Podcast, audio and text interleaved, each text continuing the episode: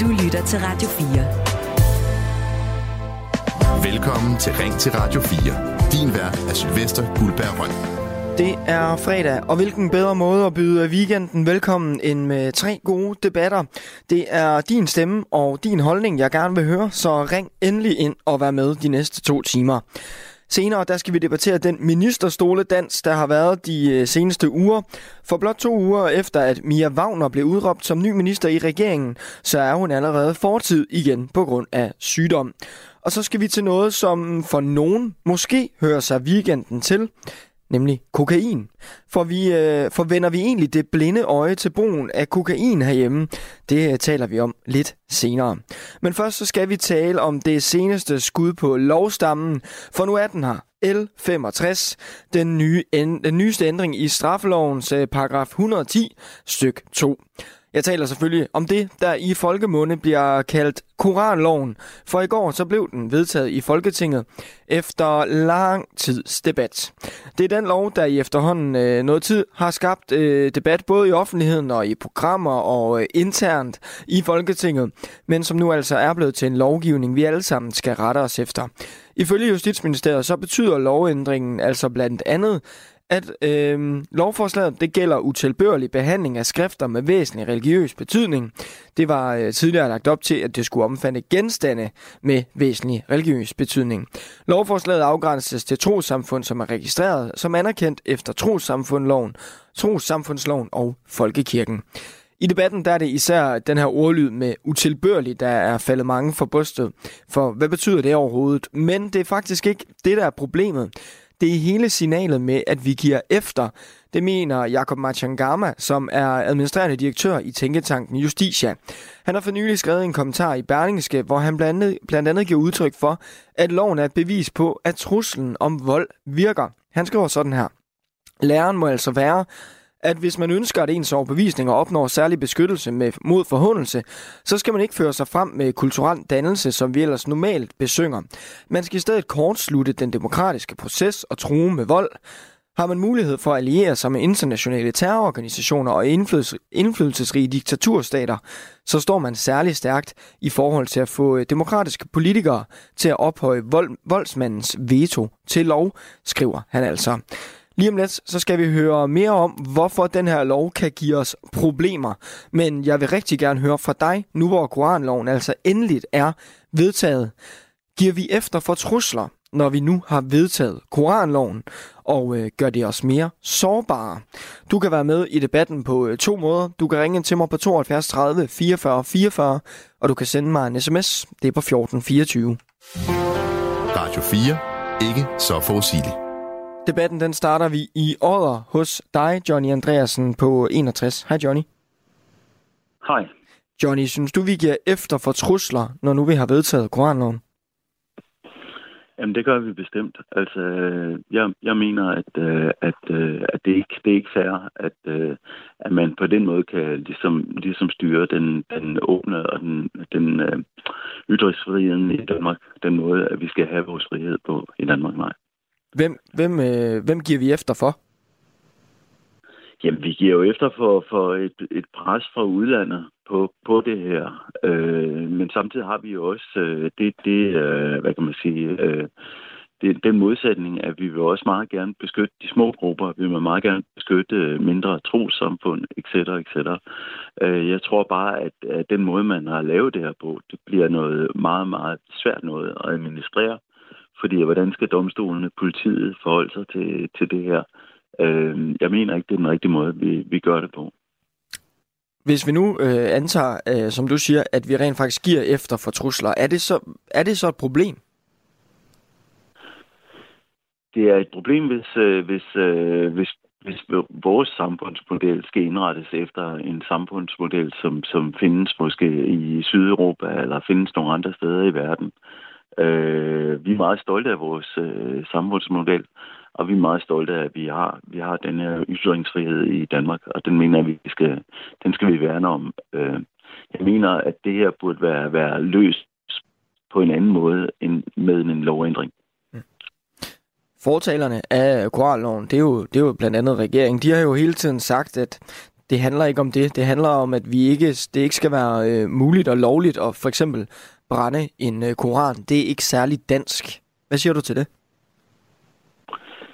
Det øh, at kan altid diskuteres, hvad der er dansk. Fordi jeg mener, når en, en regering med et så smalt flertal øh, vedtager en lov, som, som man gjorde i går i Folketinget, øh, det er heller ikke særlig dansk. Det danske, at vi, at vi hører befolkningen. Det ville være dansk, at man for eksempel havde lagt det ud til en, en folkeafstemning. Øh, det er dansk. Øh, det andet mener jeg ikke er dansk. Mm. Øh, det, som vi også skal have for øje, det er, at, øh, at en ting er, at man brænder koranloven af i Danmark, men øh, vi ser jo også for eksempel, at øh, i Syd, øh, Sydeuropa, at øh, der brænder man flag af, for eksempel. Det kunne være det danske flag, man brænder af. Mm. Øh, hvordan skal vi forholde os til det, øh, hvis vi brænder flag af i Danmark? Øh, hvordan vil man takle det? Johnny, øh, jeg vender tilbage til dig senere. Vi skal lige videre i debatten, ja. hvor øh, der også bliver deltaget øh, aktivt på sms'en, blandt andet fra Lars, der skriver, med loven bliver hadet til muslimer ikke mindre. Gør som jeg siger, ellers så truer jeg dig. Og øh, en anden skriver, jeg håber, at alle de partier og folketingsmedlemmer, der stemte imod Koranloven, vil sige offentligt, at øh, samme dag de har flertal, så bliver det lort slettet, skriver man altså. Jeg vil også gerne høre fra øh, dig. Du kan være med på to måder. Du kan både ringe og sms'e, og jeg vil gerne høre din holdning til spørgsmålet. Giver vi efter for trusler, når vi nu har vedtaget Koranloven? Du lytter til Ring til Radio 4. Ring til os på 72 30 44 44 eller send en sms til 14 24. Sådan her lød det i går eftermiddags klokken øh, lidt i tre i Folketingssalen. Og afstemningen den slutter, og der var 94 stemte for, 77 imod, ingen hverken for eller imod, og lovforslaget er dermed øh, vedtaget og vil nu blive sendt til statsministeren. Ja, Koranloven, eller L65, øh, som den altså også hedder, den er nu virkelighed, og øh, derfor snakker vi om den i dag. For er den her lov et øh, billede på, at vi her hjemme nu giver efter for trusler, og gør det os mere sårbare? Det mener Jakob Enchangama, der for nyligt har skrevet en kommentar i Berlingske om netop det. Og øh, nu kan jeg byde velkommen til dig, Jakob Holdermand. God dag lektor i øh, retsfilosofi ved Københavns Universitet. Giver vi efter for trusler, når vi nu har vedtaget øh, koranloven? Ja, det tror jeg ikke, der er så meget tvivl om. Øhm, der er både de trusler, som vi har vendet os til i et eller andet omfang at leve med siden Mohammed-krisen, altså trusler om terror først og fremmest generelt mod den danske befolkning og specifikt mod øh, øh udvalgte blasfemikere. Øhm, og så giver vi efter for en ny slags trusler også, som er øh, sådan øh, øh forsvars- sikkerhedspolitiske, og som kommer fra lande øh, og sammenslutninger i lande, især øh, det, der hedder OIC, Organisationen af Islamiske Lande, der øh, øh, har formået at sætte Danmark og Sverige under et øh, massivt øh, forsvars- og sikkerhedspolitisk pres, især Sverige ved at holde dem ude af NATO, efter de har opgivet deres neutralitet, og står isoleret over for et Rusland, der øh, er meget truende og aggressivt. Og så øh, øh, Danmark øh, som medlem af NATO, der pludselig er blevet øh, et problem øh, for, for at øh, øh, sikre NATO-alliancen, for at lukke det hul i, i boldværket mod Rusland, som Sverige nu udgør. Øh, der, der står øh, koranafbrændingerne i vejen, fordi Tyrkiet øh, har gjort det til en betingelse for at lukke Sverige ind, at øh, koranafbrændingerne stopper. Mm og så, øh, så, øh, i Danmark og Sverige. Så der er et pres, og det er stort, men hvad er problemet ved, at man giver efter for det?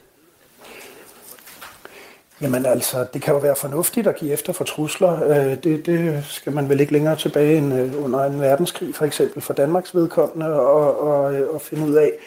Generelt så, så har vi jo dog sådan en opfattelse af, at det, der skal styre vores beslutninger, skal være øh, frivillige, sådan demokratiske beslutninger, øh, som bliver truffet ud fra det, det, en fri debat udelukkende og uden øh, øh, vold og trusler, fordi dem, der udsteder vold og trusler, har ikke noget demokratisk mandat. Øh, de de øh, har ikke øh, nogen adkomst til øh, at træffe beslutninger om, hvad for nogle frihedsrettigheder vi øh, skal leve efter i Danmark. Men, øh, men det er jo så, øh, når, når, når, når det så er det, de udsætter os for, øh, og vi så reagerer på det, så kan man sige, at vi, vi, øh, vi kortslutter demokratiet. Ganske vist er den formelt besluttet demokratisk, øh, den her lov, men selvfølgelig efter øh, øh, øh, vold og trusler. Øh, og det, det er, mm. er generelt ikke sådan, vi mener, vi har indrettet vores demokrati. Men kan man ikke argumentere for, at det er nødvendigt fra politikernes side, altså at de reagerer på det her?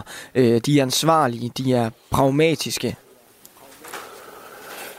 Jo, det er jo det, regeringen siger, de er. Øh, at de ikke har haft noget valg, at det er nødvendighedens politik, at øh, hvis vi alle sammen vidste, hvad de vidste, hvad for nogle trusler vi står overfor, så var det det eneste mulige at gøre. Øh, det de så ikke rigtig svarer på i den sammenhæng, det er, hvorfor man så ikke også gør det i Sverige, der alt andet lige står i en meget mere udsat situation. De står stadig uden for NATO i modsætning til os, der trygt og godt øh, lever inde i NATO. Øh, og der, der er der flere, der har peget på, at der nok er sådan en, en øh, vis sammenblanding af, hvad der sådan reelt forsvars- og sikkerhedspolitisk er nødvendigt for Danmark, med sådan hvad man i Udenrigsministeriet synes gør deres sådan, almindelige arbejde lidt besværligt, når man mødes til FN's generalforsamling og skal forhandle med forskellige parter, og så skal man pludselig, så er det sådan lidt bøvlet at skulle sidde og snakke om Paludan. Øh, og så er det måske i virkeligheden ikke forsvars- og sikkerhedspolitik og sådan statens sikkerhed, der det handler om, men snarere sådan, øh, øh, at, at Lars Løkke Rasmussens arbejde er blevet en lille smule bøvlet øh, på de bo- internationale bonedgulve. Mm. Men vil det ikke også være uansvarligt, hvis der så, Gud forbyde det, skulle ske noget, altså en sikkerhedspolitisk trussel eller forsvarspolitisk trussel, øhm, og at vi så ikke havde handlet? Jo, altså det er jo det, øh, regeringen mener er, er nødvendigt, at den trussel alene nødvendiggør det. Øh, man kan sige, det gjorde vi jo ikke under Mohammed-krisen. Der var til overflod og en, og en større terrortrussel end den, vi lever under i dag. Og der valgte man jo at øh, sige, at øh, det, det er begrædeligt, men det er en, det er en trussel og, og, og en risiko, øh, der må stå for dem, der truer os regning. Og, øh, og generelt så øh, prøver vi at stå imod trusler og være stærke nok til at insistere på øh, øh, at stå op imod øh, vold og ufred. Øh, og, øh, og, og der er problemet jo, at hvis, hvis øh, eller ja, der har man jo så valgt anderledes her og sagt, at simpelthen bare risikoen i sig selv er nok. Vi har også lige set, der har været et terrorangreb i øh, Frankrig, for eksempel øh, på en tysk øh, terrorist, og regeringen har ellers sagt, at der ikke er noget problem i Frankrig, fordi der må man ikke brænde koraner af. Det er så i øvrigt ikke korrekt, men altså det er det, sådan, de har fremstillet det. Og, øh, og det, det, vi, vi ser jo terrorangreb hele tiden over det hele. Øh, det er en illusion at tro, at vi bliver sikre på grund af det her. Vi har set øh, julemarkeder blive angrebet i hele Europa. Øh, øh, en lastbil, der kører ned af, af havnepromenaden i Nice, og så videre, og så mm. videre, og så videre. Der er masser af eksempler på terror, og vi kan aldrig udrydde den trussel, desværre, mm. så længe der er islamistiske, øh, jihadistiske organisationer. Så vi er ikke mere sikre i dag, end vi var i går? Det er muligt, vi er mere sikre på den korte bane. Der er helt sikkert øh, nogen, der måske vil flytte opmærksomheden til Sverige. Det kan man så i sig selv sige er, er en problematisk løsning, at vi hver især ligesom øh, indleder et kapløb mod bunden og prøver hvert land for sig at komme ud af søgelyset for at flytte fokus over på et andet øh, mm. land. Det andet problem kan være, at man risikerer på den lange bane, at øh, vi nu, øh, som netop Jakob Mission Gamer også skriver i den øh, kommentar, I nævner, øh, jo fortæller vidt og bredt, at vold virker altså på os. Øh, så hvis I en anden gang vil have jeres vilje, og vi ved, at, at de her lande, øh, organisationen af islamiske lande, deres langsigtede dagsorden er et generelt blasfemiforbud, altså også profettegninger for eksempel, så ved de nu, at vi er nogen, der bøjer os for vold, hvis de kan orkestrere et massivt, tilstrækkeligt massivt geopolitisk, øh, forsvars- og sikkerhedspolitisk pres. Mm. Og det vil de selvfølgelig forsøge at gøre igen. Men det kan være, at de starter med Sverige og, og, og Norge, hvor, hvor der sker koranafbrændinger til stadighed. Øh, men men øh, tiden skal nok komme igen, øh, fordi øh, kravet med blasfemiforbud er ikke tilfredsstillet, øh, blot fordi man ikke længere må brænde koraner. Jakob øh, Holtermann, tak for snakken. Selv tak. Lektor altså i øh, retsfilosofi ved øh, Københavns Universitet. På sms'en, der er der gang i debatten. Øh, du kan også være med 1424, og du kan ringe til mig 72 30 44 44. Torben skriver, det hele drejer sig om, at den enkelte respekterer muslimer, hvilket virker så meget vanskeligt for nogle højorienterede. Og en anden skriver, Trusler, det synes jeg ikke, vi giver efter for. Vi opfører os bare respektfuldt. Det gælder også min nabo. Jeg render ikke rundt og kritiserer hendes valg i øh, livet. Jeg har også fået en sms fra dig, Helle fra øh, Esrum. Øh, velkommen til. Tak for det. Du skriver øh, tak okay. for Koranloven. Ja. Hvorfor skriver du det? Jeg, ja, jeg er øh, enig i påstand. Altså, jeg er slet ikke enig i, at andre lande nu kan bestemme Danmarks lovgivning. Det er helt hen i vejret.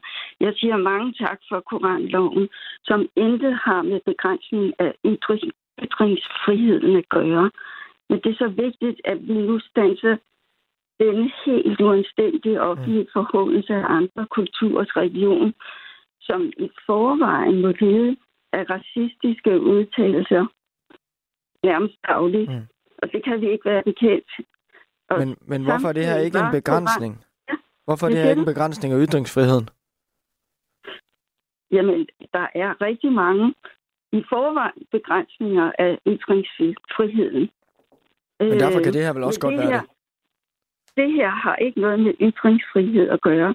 Det er en uanstændig offentlig forhåndelse af andre kulturs religion, og det kan vi simpelthen ikke være bekendt. Det skulle være stoppet for længe. Det var fuldstændig tåbeligt, at vi lavede politibeskyttelse af Paludan. Altså, mm. han skulle selvfølgelig have været stoppet fra starten. Øh, så det var en helt misforståelse af ytringsfrihedsbegrebet, efter min mening. Mm. Hele, og du det siger... var også utroligt farligt at øh, smide øh, ved på brændende bål, som vi mm. ved, der er i, i særligt i de mellemøstlige lande. Det, er jo, det har jo været en gave til ekstremisterne. Men Helle, du siger, du siger at vi ikke, vi ikke lader andre øh, lande bestemme vores øh, lovgivning. Det er jo heller ikke, fordi de har, de har vedtaget den for os, kan man sige, men havde vi indført Koranloven, hvis ikke der har været et pres fra for eksempel de her øh, øh, lande og, øh, og organisationer, som vi måske ikke synes er særlig demokratiske? Muligt. Muligvis ikke. Øh, men altså, jeg tror, vi indså også igennem de mange koranafbrændinger, der nu så blev gennemført også i, i Sverige, mm. hvor tåbeligt det var, og det skabte bare en masse vold og ballade. Og det er jo fuldstændig tåbeligt, fordi det har jo ikke nogen positiv mening. Mm. Hvad er den positive mening i at gøre det her?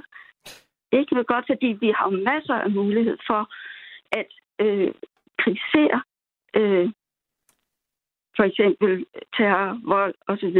Mm. Helle, det har vi masser af mulighed for. Helle, vi skal lige ja. et smut videre, men tak for snakken. Ja, selv tak. Vi skal nemlig sige goddag til dig, Michael, på 53 i Horsens.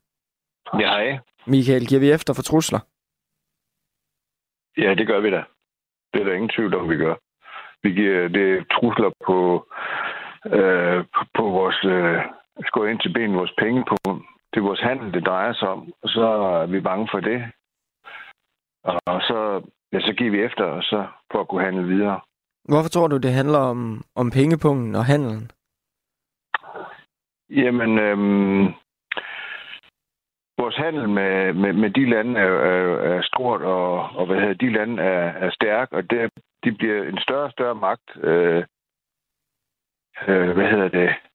Øh, i, i verdenssamfundet tiltrækker sig flere og flere øh, øh, lige fra sportsbegivenheder til, til store, hvad hedder det, nu har vi øh, den store kop, øh, det 23, eller hvad den hedder, 24 dernede, og hvis vi, øh, hvis, ikke, hvis vi giver efter for, for, eller hvis ikke vi giver efter for det der, så, så vil vi jo miste en, en masse handel på den måde.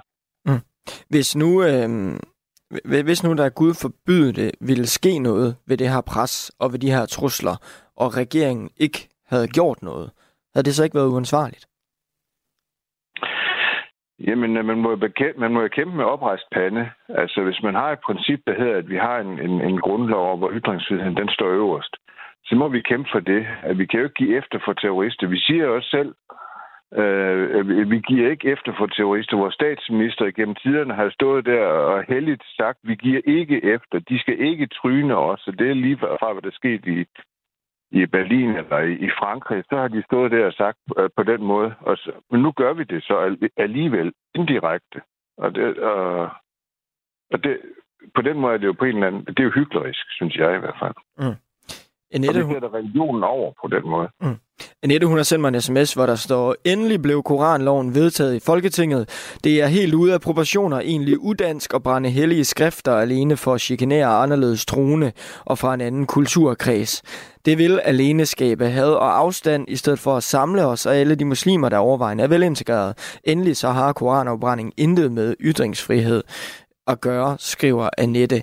Øhm, det, er der også, det er jo også en pointe. Handler det her ikke mere om, at vi øhm, stopper handlinger, som nogen i hvert fald ikke mener er særligt danske, end det handler om at give efter?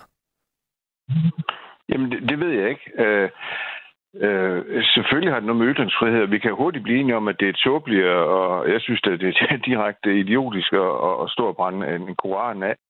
Øh, men, men vi, vi dækker os ind under, under det hele nu. Øh, vi havde Jesus-sandaler for en del år tilbage, og Maria-sandaler de vil aldrig kunne lade sig gøre mere, eksempelvis. Men vil aldrig, hvornår, hvornår vil du gå ind og så forbyde kunsten og, og Thorsten, der udstiller Jesus med mm. erigeret lem, for eksempel.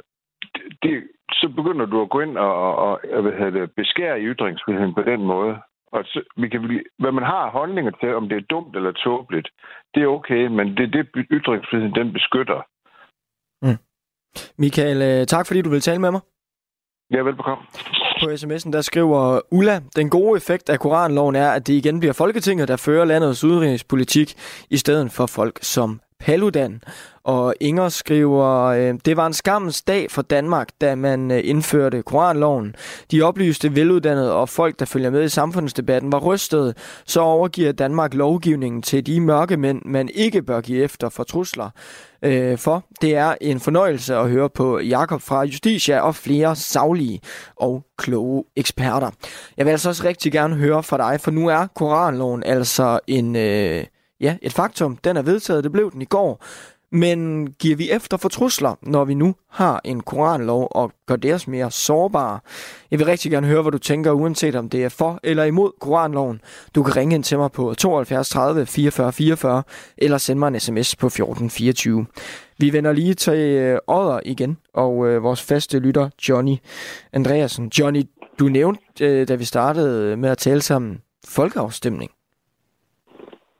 Synes du virkelig, at, at, at, at det her det er et emne, der, der egner sig til en folkeafstemning? Jeg synes i hvert fald ikke, det er et emne, der egner sig til at blive afgjort af et, et snævert flertal i Folketinget, som, som er det, vi oplever her. Øh, jeg synes, vores øh, demokrati, det, det, det burde afspejle lidt mere hele befolkningen, end, end bare en del af befolkningen. Og, og det, det mener jeg, der, der burde man måske have, have haft et eller andet med to, tre, eller tre, tre fjerdedels øh, øh, flertal for eksempel for at vedsage sådan noget her. Jeg mener også i bund og grund, at, øh, at vi måske i de eksisterende love har nogle muligheder for at gå efter de folk, der ligesom vælger at lave nogle blasfemiske ting. Altså blandt andet kan vi se, da vi, øh, da vores øh, statsminister blev, øh, blev øh, lavet som dukke og blev hængt op øh, i forbindelse med en, en demonstration, der, der, er der, der, er der, der er der i hvert fald øh, kommet en straf til de mennesker, der har gjort det. Øh, og det er jo gjort inden for de eksisterende regler. Øh, så jeg mener, at, øh, at øh, i stedet for, at vi skal have et generelt øh, forbud, øh, forbud så, så bør vi gå efter de enkelte personer. Altså vi bør gå efter for eksempel en, en måde at ligesom stoppe en paludan på og stoppe en, en anden person, men ikke, ikke lave en generel lovændring. Mm. Man har jo faktisk en mulighed for, eller det har Folketinget, en mulighed for at, at, at kræve en, en øh, folkeafstemning om, om lovforslaget. Det kræver 60 mandater. Det kunne de altså ikke samle. Der var jo også for eksempel konservative, som var imod øh, koranloven, men som siger, det egner sig ikke til folkeafstemning. Det er rigtigt nok. Det er rigtigt nok, men, øh, men som sagt, øh, altså jeg synes i hvert fald, at, øh, at når der bliver lavet lovgivning fra Folketinget, øh, og vi snakker om lovgivning af den her kaliber, mm. så burde det være to tredjedel af Folketinget, der står bag. Johnny, øh, jeg vender tilbage til dig senere, for vi har en, øh, et par nyheder, der venter. Men mens nyhederne tager over, så kan du passende ringe ind til mig og være med i debatten her. Koranloven, den er nu virkelighed. Den blev vedtaget i går, men ifølge for eksempel Jakob Menchangama fra øh, Tænketanken Justitia, så viser det altså, at øh, Danmark giver efter for vold og trusler Synes du, vi gør det med den her koranlov, og gør det os øh, i så fald mere sårbare? Ring ind og vær med i debatten 72 30 44 44, eller send mig en sms på 14 24 klokken halv 10. Du lytter til Ring til Radio 4. Din vært er Sylvester Guldberg Røn. Sådan her lød det i går eftermiddags i Folketingssalen.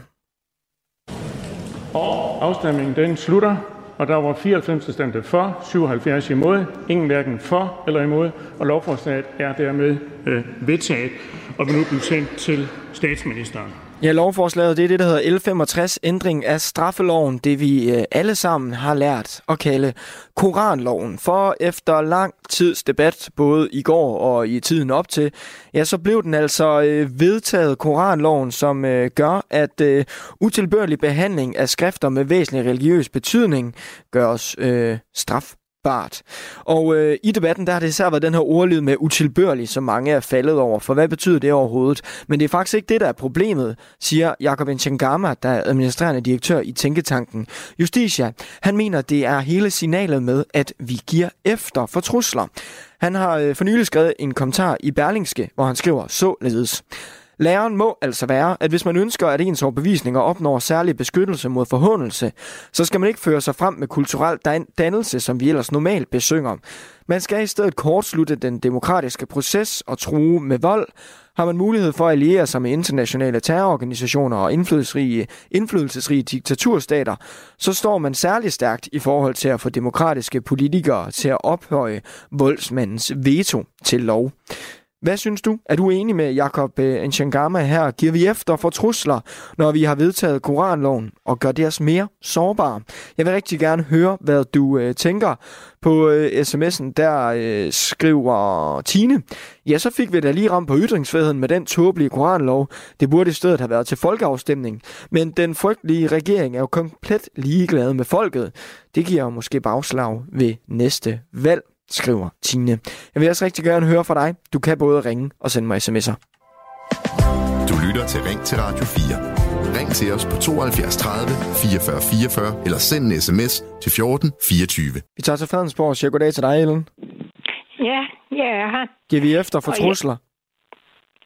Ja, det gør vi måske lige i øjeblikket, men uh, umiddelbart så siger jeg jo, at uh, jeg synes, det var ok, at loven blev vedtaget. Men jeg mener også, at i samme sekund, at danskerne inde i Danmark rundt omkring holder op med at bruge vold mod det ene og det andet, der opfører sig uanstændigt, jamen så kan vi jo bare øh, lave loven sådan, at vi kan slette den igen. Mm. Så det burde være en midlertidig lov? Altså, jeg så da gerne, den var midlertidig, fordi øh, man behøver jo ikke at vedligeholde noget, der ikke er nødvendigt. Mm. Og hvis danskerne lader være med at begå, øh, begå alle de der mærkelige ting, som indimellem sker bare for at lave ballade og skabe had og lægge op til krig og vold, og jeg ved ikke hvad, jamen hvis, når det holder op, jamen så kan vi jo også bare slette den her lov, så er den jo ikke nødvendig mere. Mm. Ellen, øh, tak for indsparket. Det er i orden, tak. Valdemar skriver på sms'en, en hver nation, som er villig til at opgive frihed for at opnå sikkerhed, fortjener hverken frihed eller sikkerhed og vil med tiden miste begge dele. Det er et gammelt citat fra Benjamin Franklin, som i den grad er relevant i den nuværende debat, skriver Valdemar. Vi tager til Aarhus. Siger goddag til dig, René på 45. Ja, goddag. Goddag. Giver vi efter? Ja, det er i den grad da. Det her det er knæfald for islam, når det er aller værst. Hvorfor er det et problem, at vi giver efter, hvis uh, der er taget en uh, vurdering af, at uh, det er det, der er mest sikkert, og uh, de her handlinger i øvrigt ikke er særlig danske? Vi, vi får jo ikke at vide, hvad det er, der ligger til grund for det her. Det er jo rent politik på udenrigspolitisk plan, så vi får ikke til, til, hvad der ligger til grund af, hvad de direkte trusler er. Det ved vi jo ikke noget om, for det er politikerne jo udtalt sig om. Mm. Og jeg synes, det er meget væsentligt for den debat her. Nu bliver der hele tiden sagt, ja, men vi gør det kun for at afbrænde de her koraner, eller hvad de nu laver. At det gør det kun for at provokere og for, for, for håne det der. Og det er jeg simpelthen ikke enig i. Jeg tror, at formålet med det her er, i hvert fald hvis du skal øh, snakke for Paludan sag, det er at, at, at prøve at bevise, jamen dem her, som er hysteriske i forhold til det islam, hvordan de er, de reagerer. Det, det, det der må være hans mål. Jeg synes, det vil være relevant at få ham på banen, og så spørge ham, hvorfor brænder du de her koraner af? Hvad er mm. formålet med det? Og det, synes... det, det, jeg synes ikke, det er i orden. Jeg synes, eller i orden. Jeg er sådan set ligeglad. For min skyld, så kunne de opbrænde bilen af. Det er da ikke noget, jeg vil reagere på. Jeg vil ikke stille mig op og, og råbe og skrige og skæve mig og begynde at smadre ting og sager og lave bål og brand. Og hvis der var nogen, der brændte bilen af, så vil jeg bare tænke, hold kæft for en idiot. Men er det, ikke netop, er det ikke netop hele essensen i den her debat, at det kan godt være, at du ikke øhm, bliver, bliver stødt af, at Bibelen bliver brændt, som et eksempel, men det kan der være andre, der gør? Jo, man skal jo selvfølgelig ikke lige, lige have spist brød til. Skal man virkelig blive så stødt af, at en, en bog bliver brændt af? Mm. Altså, jeg, altså, så, så er det fordi, man går for meget op i sin religion. Det synes jeg i hvert fald. Og så, så religiøs er vi ikke i Danmark. Mm. Så hvis man, har, hvis man gerne vil være så dybt religiøs, så synes jeg, man skal tage derned, hvor man kan praktisere de ting, og så være religiøs. Vi har jo ikke noget til fælles demokratisk overhovedet med de her muslimske lande. De har ingen, ingen rettigheder. Kvinder, kvinder har ingen rettigheder. Mm. Overhovedet det, synes jeg, er et kæmpe problem. Og det bliver slet ikke fokuseret nok på det der. Hvorfor fanden er vi har de store problemer her? Kig til Sverige og se, hvordan det ser ud i Sverige. Er der nogen, der har lyst til at leve derovre? Nu her. Prøv at se, hvordan det udvikler sig det land på de sidste 30 år. René, øh, tak fordi du ville tale med mig. Velkommen. På sms'en, der skriver Amer, Ammer, tror jeg måske han hedder. Som muslim og snart jurist betyder ytringsfriheden meget, men Koranloven er det moralske kompas, vi mangler. Vores demokrati skal være et udtryk for en øh, tolerance, skriver han altså. Og øh, Sissel skriver, hvad godt førte det med sig, da Paludan brændte Koranen? Intet. Kun ballade. Respekter dog andres religion, selvom du er uenig. Jeg tror på, at vi giver, det giver respekt, at vi sender signal om, at vi ikke ønsker, at det skal være lovligt at brænde Koranen af mere. Øhm, Danmark giver, nej, Danmark giver ikke efter for et pres, skriver altså Sissel. Vi tager til Gentofte. Goddag til dig, Erik, på 66. Uh, nej, du til fejl. Jeg er af du. Jeg nærmer mig de 80. Oh, det er, jeg min, oplevet, det er også ligegyldigt, Erik. Det er også ligegyldigt, Erik. Øhm, synes du, vi giver efter? Jeg, jeg har oplevet den anden verdenskrig. Der var også det, man kalder en krænkelse af ytringsfriheden. Mm. Nu begynder vi med sådan noget som det der. Vil de mennesker, jeg har masser muslimske venner, de fejrer, og de synger dansk, og de gør det ene og det andet. Mm. Og jeg må sige, vil du ikke indleve dig i dette samfund, så kan du rejse hjem igen. Og på den anden side, det har intet med, fordi hvis ikke de demonstrerer, som de gør, deres tro, og det, så var der ikke nogen Paludan, der gjorde, som han gør. Der, jeg er ikke tilhænger af, hvad han gør. Bestemt ikke, for man sagde, som jeg sagde før. Jeg har muslimske venner, mm. og jeg har mange af dem. Og jeg har også jødiske venner, og jeg har også mange af dem. Og ved du hvad? Du må undskylde mig, mm. at vi i den grad fra regeringens siden en pjokket regering. Men, men... og bøjer, og næsten slikker gulde for sådan noget. Men Erik, men Erik, synes du, at den her lov er et signal om, at hvis vi får pres nok fra for eksempel de her OIC-lande, de her muslimske lande, eller fra terrororganisationer, synes du, det er et signal om, at hvis de bare presser os nok, så lovgiver vi efter det? Ja, bestemt. Og er det et det problem? stopper ikke med det her. Du kan se, at vi havde nogle demonstrationer her før denne her uh, lille debat. Der havde vi nogle demonstrationer, hvor de brændte vores flag af. Noget mere uartigt mm. og noget mere sindssygt skal man lede længe efter. Og hvis de kommer hertil, jeg siger ikke, de skal opgive deres region, men jeg siger, de må indleve sig i dette samfund. Mm. De skal ikke diktere os, hvad vi må og hvad vi ikke må med den frihed, vi har. Jeg, jeg er agnostiker, og jeg har faktisk jeg mistede min mor kort efter krigen, og jeg er viden det overhovedet ikke troet på nogen region. Mm. Jeg siger, respekter dyr, folk, og det hele taget, hvad det er. Erik, så, er det lov til, øhm, så er det lov til at leve det her samfund. Erik, tak, for, tak fordi du vil tale med mig. Velbekomme. Vi ville gerne have talt med regeringen og, og spurgt dem, om de har givet efter for trusler med den her lov, men det har altså ikke været muligt at få nogen med. Og der udspiller sig også et øh, for nogen lidt bizart scenarie nede i Folketingssalen i går, for der var en lang debat under tredje behandlingen af lovforslaget, men øh, der var altså ikke nogen fra regeringen, der ville på øh, talerstolen og sige noget, og det var noget, som oppositionen var rasende over, for at sige det på øh, godt dansk, altså at øh, regeringen ikke ville på talerstolen og forsvare Koranloven. Regeringen de mente, at de allerede havde taget debatten. den, der så øh, måtte stå og forsvare Koranloven på øh, Folketingets øh, talerstol, ja, det var så Jon Steffensen, altså løsgænger og tidligere medlem af Moderaterne. Han øh, tog debatten på talerstolen, og han mener, at den øh, hverken er en svækkelse af ytringsfriheden eller et tegn på, at vi giver efter Koranloven. Øh, sådan her lød det, da han var på talerstolen. Jeg forstår debatten, jeg forstår ordene, og jeg bliver også berørt af dem. Men jeg synes alligevel, at det hele er blevet meget unuanceret. For når jeg hører ordene, så kommer det til at lyde som om, at vi med dette lovforslag deponerer hele den danske ytringsfrihed i afbrænding af en koran, en tora eller en bibel. Nej, det gør vi ikke. Den danske ytringsfrihed, den sidder i spidsen af en blyant i den enkelte danskers stemme. Den er til stede i alt det, vi kan i Danmark, når det gælder ytringsfrihed. Alt det, vi kan lige her, det er jo derfor mennesker fra politiske aktivister til kunstnere er flygtet hertil, til Danmark, og de muligheder, vi har for et frit liv her. Vi øh, tager til Odense og siger goddag til dig, Allan, på 49. Goddag. Allan, du har sendt mig en lang sms, øh, som starter med, tages de fleste beslutninger ikke ud fra erfaringer, eventuelt nye erfaringer? Altså, øh, hvad, hvad mener du med det? Er det sådan retten til at blive klogere, eller hvad? Ja, jeg tænker faktisk, at det sagde det meget godt lige det, du afspillede lige før.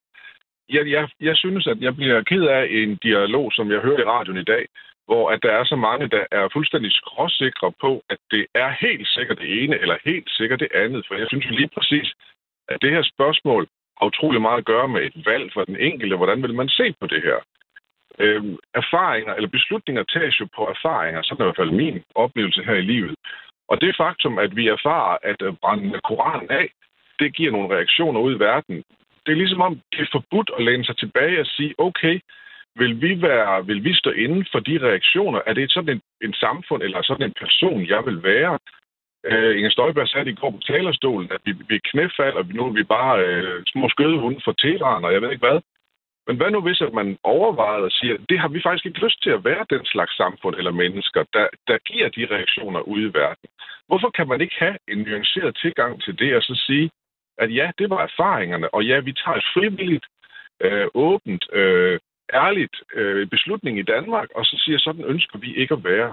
Og der synes jeg bare, det bliver ærgerligt, når at nogen de hele tiden er, at det er 100% sikkert et knæfald, eller også er det 100% sikkert ikke. Det synes jeg ikke, det er. Mm. Det er jo et spørgsmål om, hvordan vi vil opføre os i Danmark, og det har vi da fuld frihed til at bestemme. Men, men køber, er... du ikke, køber du ikke pointen om, at hvis ikke der har været et stort pres fra for eksempel de her indflydelsesrige OIC-lande eller fra, øh, fra terrororganisationer, at så var den her lov måske ikke blevet til virkelighed? Helt sikkert, øh, helt sikkert. Men, men hvor mange beslutninger tager vi her i verden, uden at det er fordi, vi løber ind i, en, i et pres eller en erfaring eller en oplevelse, som gør, at vi sætter os ned og tænker os om.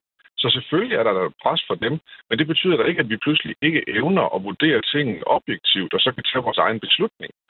Øh, og, og det her, det bliver så unuanceret. Bare for, altså, er, det, er det nu helt forbudt at tage den holdning, at man ikke skal brænde, øh, brænde øh, koraner af, fordi der har været pres. Det kan du jo vente om at sige. Mm. Er presset nu lige med, at vi aldrig må tage den beslutning? Hvorfor har vi ikke frihed til at tænke os om, og så tage den beslutning, vi gerne vil, ud fra frihed? Allan, øh, tak fordi du vil tale med mig. Det var så lidt. God dag. I lige måde. Vi øh, vender lige tilbage til, hvor vi startede, nemlig i Odder og hos øh, dig, Johnny, vores faste lytter. Johnny, Øh, er, vi, er, vi, for skotsikre, når det kommer til den her lov, som Allan siger? Altså enten er, enten er det det ene eller det andet? Nej, jeg vil, jeg vil nok give Allan en lille smule ret i, at, at det kan være både og. Øh, men, men jeg mener bare stadigvæk, at, øh, at øh, den måde, som, som loven er strikket sammen på, den måde, som loven er vedtaget på, øh, og at det hele taget hele forløbet omkring det her har ikke, øh, har ikke, været, har ikke været værdigt for, for vores, vores samfund mm. i Danmark. Det har det ikke.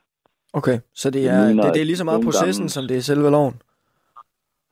Det er, det er både processen og loven. Øh, fordi jeg mener, vi, øh, vi, burde, vi burde have gået en anden vej. Vi burde have gået en anden vej, hvor vi ligesom gik ind og kiggede på, jamen øh, hvis vi har ekstremister som Paludan, jamen øh, lad, os, lad os finde en måde at, øh, at vi ligesom øh, kan dem op for det.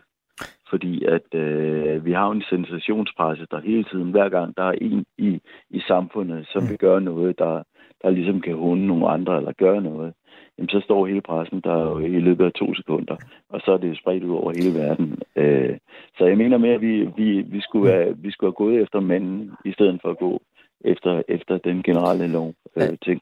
Johnny, øh, tak fordi du være med i debatten. Velkommen.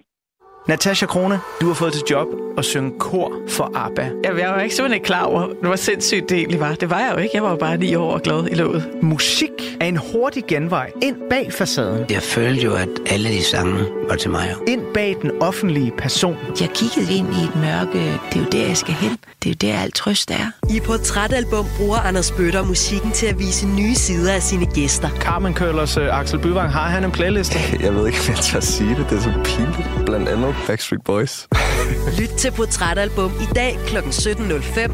Radio 4. Hold kæft, mand. Det tror Ulla Terkelsen ikke, det der. Ikke så forudsigeligt. Den 23. november, der gik hun ind i politik, ind i regeringen, ind i ministerbilen og ind i rollen som digitaliserings- og ligestillingsminister. Og i går, præcis 14 dage senere, ja, der var det allerede slut. Mia Wagner, hun træder ud af regeringen og trækker sig som minister. Det kommer efter, at den øh, nyudnævnte minister i sidste uge fik et ildebefindende og øh, besvimede i sit eget hjem. Herefter blev hun sygemeldt på ubestemt tid, og ved samme lejlighed afslørede Mia Wagner, at hun for fem år siden fik øh, indopereret en pacemaker på grund af hjerteproblemer. På Instagram der skriver hun sådan her om sit lynexit fra dansk politik. Min krop og vilje deler øh, åbenbart ikke livstrøm. Jeg har derfor meddelt Troels Lund, at jeg ønsker at stoppe som minister, for jeg er nødt til at lytte til min krop og tage hensyn til mit helbred. Hun øh, fortsætter, jeg vil godt mod og håber, at yderligere undersøgelser kan give nogle svar. Jeg ved ikke, hvornår jeg er klar igen. Jeg synes hverken regeringen, Venstre eller jeg selv er i en sund position med en ministerstol uden minister på ubestemt tid. De skal dog ikke øh, lige frem til at lege navneleje i ministeriet, for det er nemlig Marie Bjerre, der overtager ministerposten. Altså hende, der netop måtte afstå den til Mia Wagner for to uger siden. Maria Bjerre, der tydeligt var berørt over at blive vraget som minister, og som flere mente var blevet uretfærdigt behandlet. Men hvad er konsekvenserne ved, at der nu igen, øh, der nu igen er ministerbyt? Politiske kommentatorer peger på, at det er et slag for Venstre, at deres øh, pro- profil, som de håbede Mia Wagner ville blive, er væk. Andre peger på, at øh, der måske er lidt mindre intern surhed i Venstre. Helt konkret så betyder det for eksempel også, at øh, Mia Wagner kan få et ministervederlag de næste 6 måneder. I alt bliver det til 687.360 kroner, som hun øh, får over det næste halve år, altså for 14 dage i ministerrollen. Men øh, selvom de mange politiske øjne er rettet mod ministerkabalen endnu en gang, så er mit spørgsmål til dig. Betyder det overhovedet noget, at Mia Wagner ikke længere er minister? For Danmark, for Venstre, for øh, hende selv og for Marie Bjerre. Det er, min, øh, det er mit spørgsmål til dig. Jeg vil gerne høre, hvad du tænker. Ring ind 72 30 44 44 eller send mig en sms på 1424. Du lytter til Ring til Radio 4. Og debatten her, den starter vi i Odsherred og hos dig, Janie Voldum på 63. Ja, jeg er her. Hej hej. Betyder hej. det noget, at Mia Wagner hun ikke skal være minister alligevel? Altså, det er der jo nok mange, der vil øh, mene, at det ikke gør, men øh, jeg synes bestemt, det betyder noget, fordi det er super frisk pust øh, øh, udefra, øh, og så måske lidt for rykke lidt rundt på de der gamle havnæsser ind i Folketinget, for at sige det, som det er i min mening. Men jeg synes, det betyder noget, fordi Mia Wagner i min verden øh, står for noget meget centralt. Hun står øh, øh for øh, helt klart... Øh, hvad kan man sige? Nej, lad mig sige det på en anden måde. Lad os holde fast i den, hun selv siger, hun er nødt til at lytte til sin krop. Mm. De 14 dage øh, var et godt budskab at komme med til folket. Det var lyt til kroppen. Tror du, øh, tror du, det ville have ændret noget for Danmark, hvis hun havde fortsat?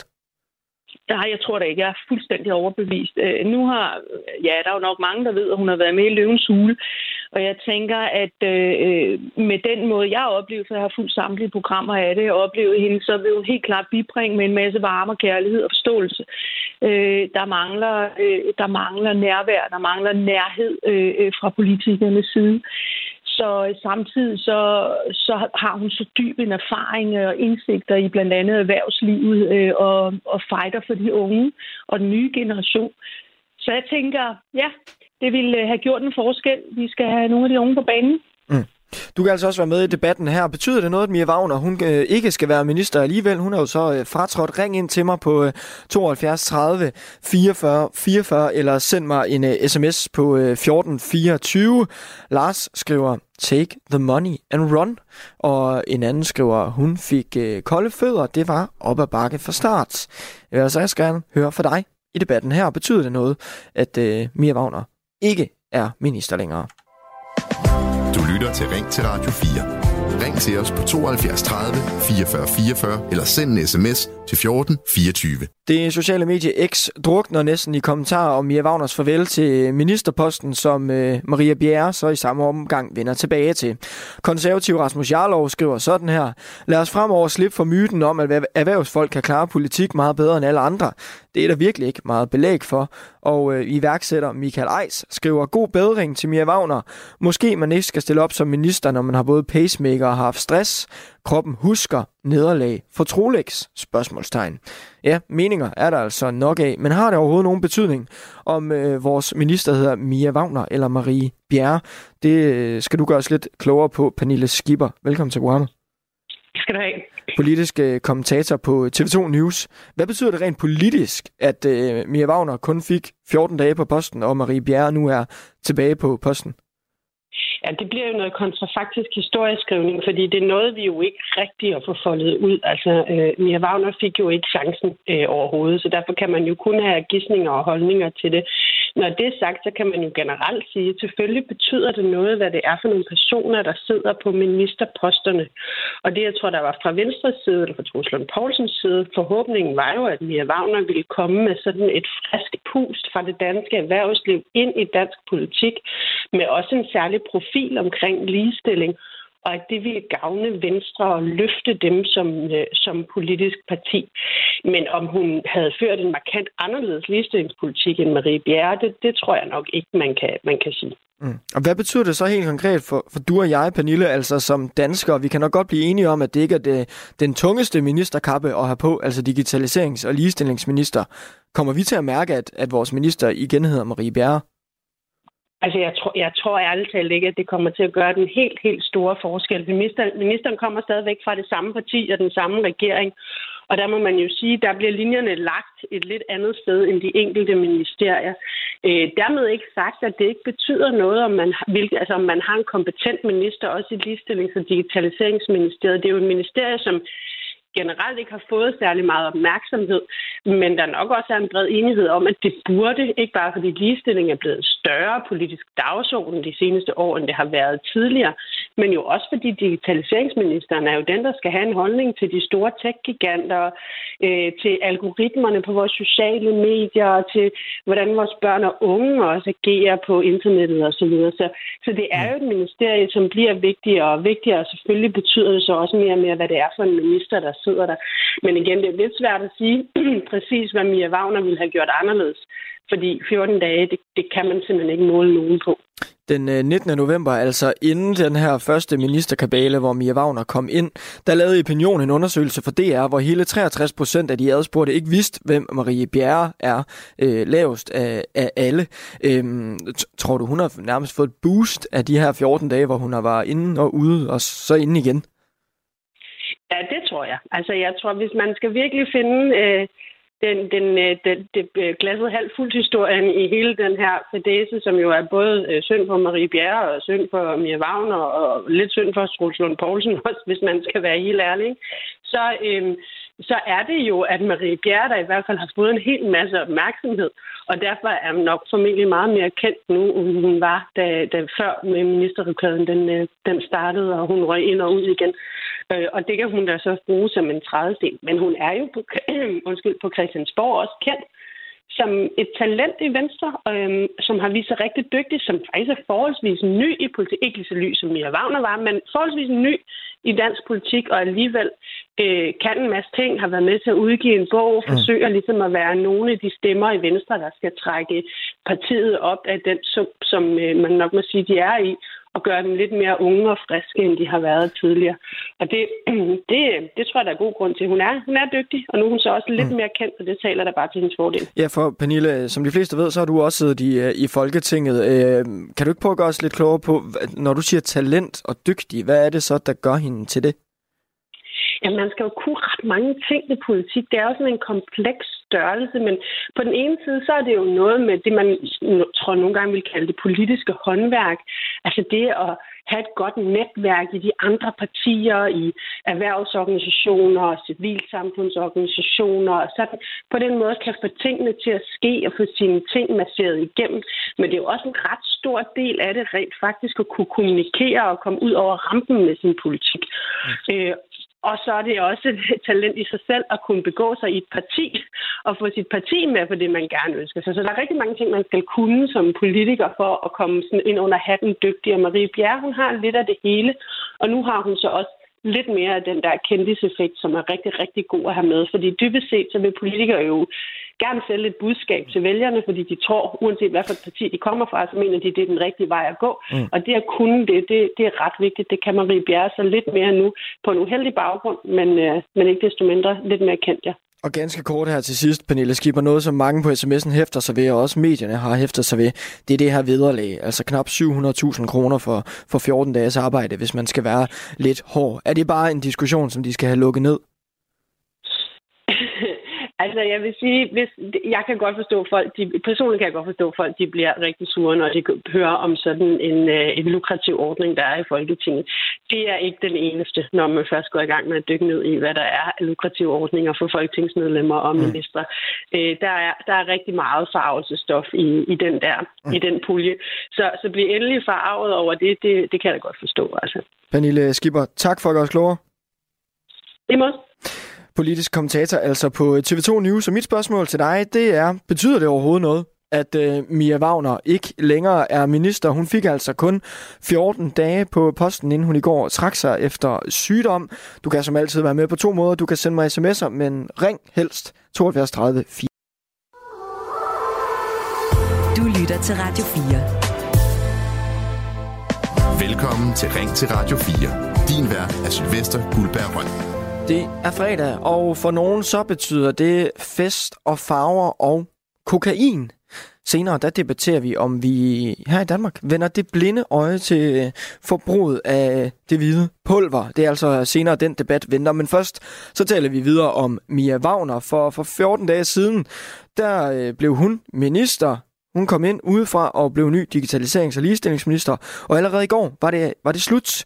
For øh, på Instagram, der kunne man øh, læse, at hun trækker sig som minister. Hun øh, fik i sidste uge et ildebefindende og besvimede i eget hjem og blev sygemeldt på ubestemt tid. Og øh, her afslørede hun altså også, at øh, hun for fem år siden fik indopereret en pacemaker. På Instagram skriver hun sådan her.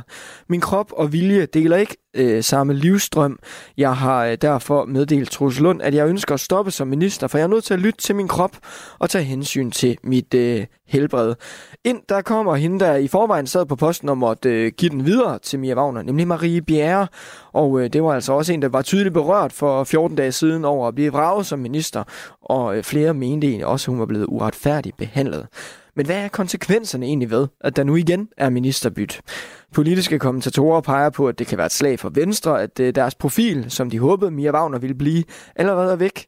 Andre peger på, at der måske er øh, lidt mindre intern surhed i partiet. Helt konkret så betyder det også noget økonomisk for Mia Wagner, for hun kan få ministervederlag de næste 6 måneder. I alt så bliver det til 687.360 kroner. Mit spørgsmål til dig er, betyder det noget, at øh, Mia Wagner ikke længere, og ikke alligevel, hvis man kan sige det sådan, bliver minister på sms'en. Der skriver øh, Søren, God bedring til øh, Mia Wagner. Jeg mener, det er en hån mod hårdt arbejdende lønmodtagere, at der udbetales 600.000 kroner for 14 dages arbejde. Det bør ændres. Det kan ikke være rigtigt. Lad det øh, blive et øh, borgerforslag. Borgerforslag. Jeg er faktisk dybt forarvet, skriver Søren. Omvendt skriver Inger. Nu er det på tide, I viser lidt format. Man har på ingen måde lov til at kæfte op om Mia Wagners alvorlige sygdom. Desuden er Marie Bjerre en meget dygtig, savlig og yderst sympatisk kvinde. Desuden så fik Janne Andersen og Christian Eriksen også en pacemaker, og de knokler videre. Fri os for den indre svinehund med ministerbil og aftrædelsesbeløb. Jeg vil altså også gerne høre, hvad du tænker, betyder det noget, at Mia Wagner ikke er minister, og at Marie Bjerre er det igen? Du lytter til Ring til Radio 4. Ring til os på 72 30 44 44 eller send en sms til 14 24. Vi tager til Kalamborg og siger goddag til dig, Jens Jørgen, på 79. Ja, dag. Be- betyder det noget, det her? Det er der da ingen, der overhovedet kan svare på, uanset om man er politisk kommentator eller ej. Så det synes jeg egentlig er ret uinteressant. Der må vi godt tage en anden vinkel på ja. det. Hvis nu Mia Wagner havde været en total ukendt viborgenser, som bliver hævet ind som minister, uden politisk erfaring, uden medlemskab af partiet, ja, det har hun så fået et par dage før, mm. øh, hvor meget vil det i grunden interessere, hvis hun måtte sygemelde sig efterfølgende? Nu er hun en kendis, og er jo et produkt af, at partiet Venstre jo en årene har yndet at hive en masse tv-kendiser ind. Vi så Tommy Ahlers, han blev minister, og da han mm. ikke var det længere, så gad han jo ikke Folketing længere. Øh, og det, jeg kan ikke se det der. Det, vi har bare et meget godt eksempel på, at man øh, hiver folk groft sagt ind, undskyld udtrykket, ind for gaden, øh, fordi de er kendte på tv. Ikke for noget politisk arbejde, ikke noget som hun er en kendt erhvervskvinde. Men det er jo igen et eksempel på, nu øh, så hendes helbred, så det vil jeg slet ikke tage ind i det, men det er jo igen et eksempel på, at man skal have erhvervsfolk ind, og man skal have øh, tv-penge ind, mm. og så videre, og så videre. Og så rent sagt træder man på sine hårdt medlemmer. Er det ikke, at, er det ikke at underkende Mia Wagners øh, kompetencer og, og måske... Øh, Mia Wagners kompetencer som erhvervskvinde sætter jeg overhovedet ikke noget som helst spørgsmålstegn ved. Mm. Men om hun har politiske kompetencer, ja, det er der ingen, der kan vide. Okay. Og du tror ikke, at det vil have været et frisk pust med den her erhvervslivserfaring, øh, også i forhold til, til ligestilling og digitalisering? Vi har jo af og til set friske pus fra erhvervsfolk. Nu nævnte Tommy Ahl, så vi har haft et par enkelte andre. Og det sjove det hele, det er, at de står jo ret hurtigt af, mm. fordi politisk arbejde er ikke noget for dem, når det kommer til stykket. Hvad med det her øh, vederlag? Kan det øh, få de pisse på, hvis jeg kan sige det sådan? Det jeg overhovedet ikke at hænge mig i, for sådan er reglerne nu engang, og det kan mm. vi så diskutere, om de er rimelige. Men den der med, øh, der var en der lige før, der havde skrevet det der med, at det er de små sko og den indre svinehund, og det kan egentlig godt tilslutte mig. Mm. Jens Jørgen, øh, tak for snakken er i orden. Jesper fra Guldborg skriver, ja selvfølgelig betyder det noget. Endnu et tåbeligt og fuldstændig fejlplaceret vederlag, som skatteborgerne skal til lommerne efter. Jeg brækker mig. Så er der også øh, en, der skriver, hurra for dygtig Marie Bjerre, som klarede det så godt. En anden skriver, skønt, vi fik Marie Bjerre tilbage. Og Annette skriver, Troels Lund Poulsen ser på målinger i medierne og må konstatere, at hans gamle parti savner en saltvandsindsprøjtning. Han hyrer en person kendt fra tv, en godt begavet øh, politiker, Marie Bjerre, må forlade posten. Uanset sygdom og helbred, så øh, som sådan, så må politikere på tinge ikke kaste guld på gaden for et såkaldt frisk pust. Det er og bliver for overfladisk godt, at Marie Bjerre tog imod tilbuddet om at vende tilbage.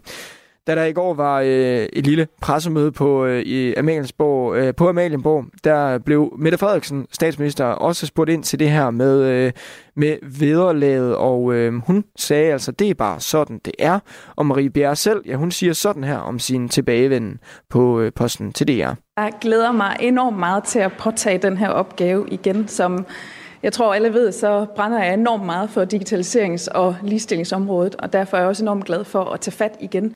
Og hvis du tænker, det må være en eller anden form for rekord i at sidde i en ministerpost øh, i kortest tid, så er det det faktisk ikke. Hun er på en delt tredje plads, hvis man kan sige det sådan, over korteste minister. Øh, Mimi Jacobsen fra, øh, ja, fra CD, hun nåede i øh, 1987 kun at være minister for Grønland i ni dage, før ministeriet blev nedlagt. Hun fik dog en anden ministerpost og blev minister igen.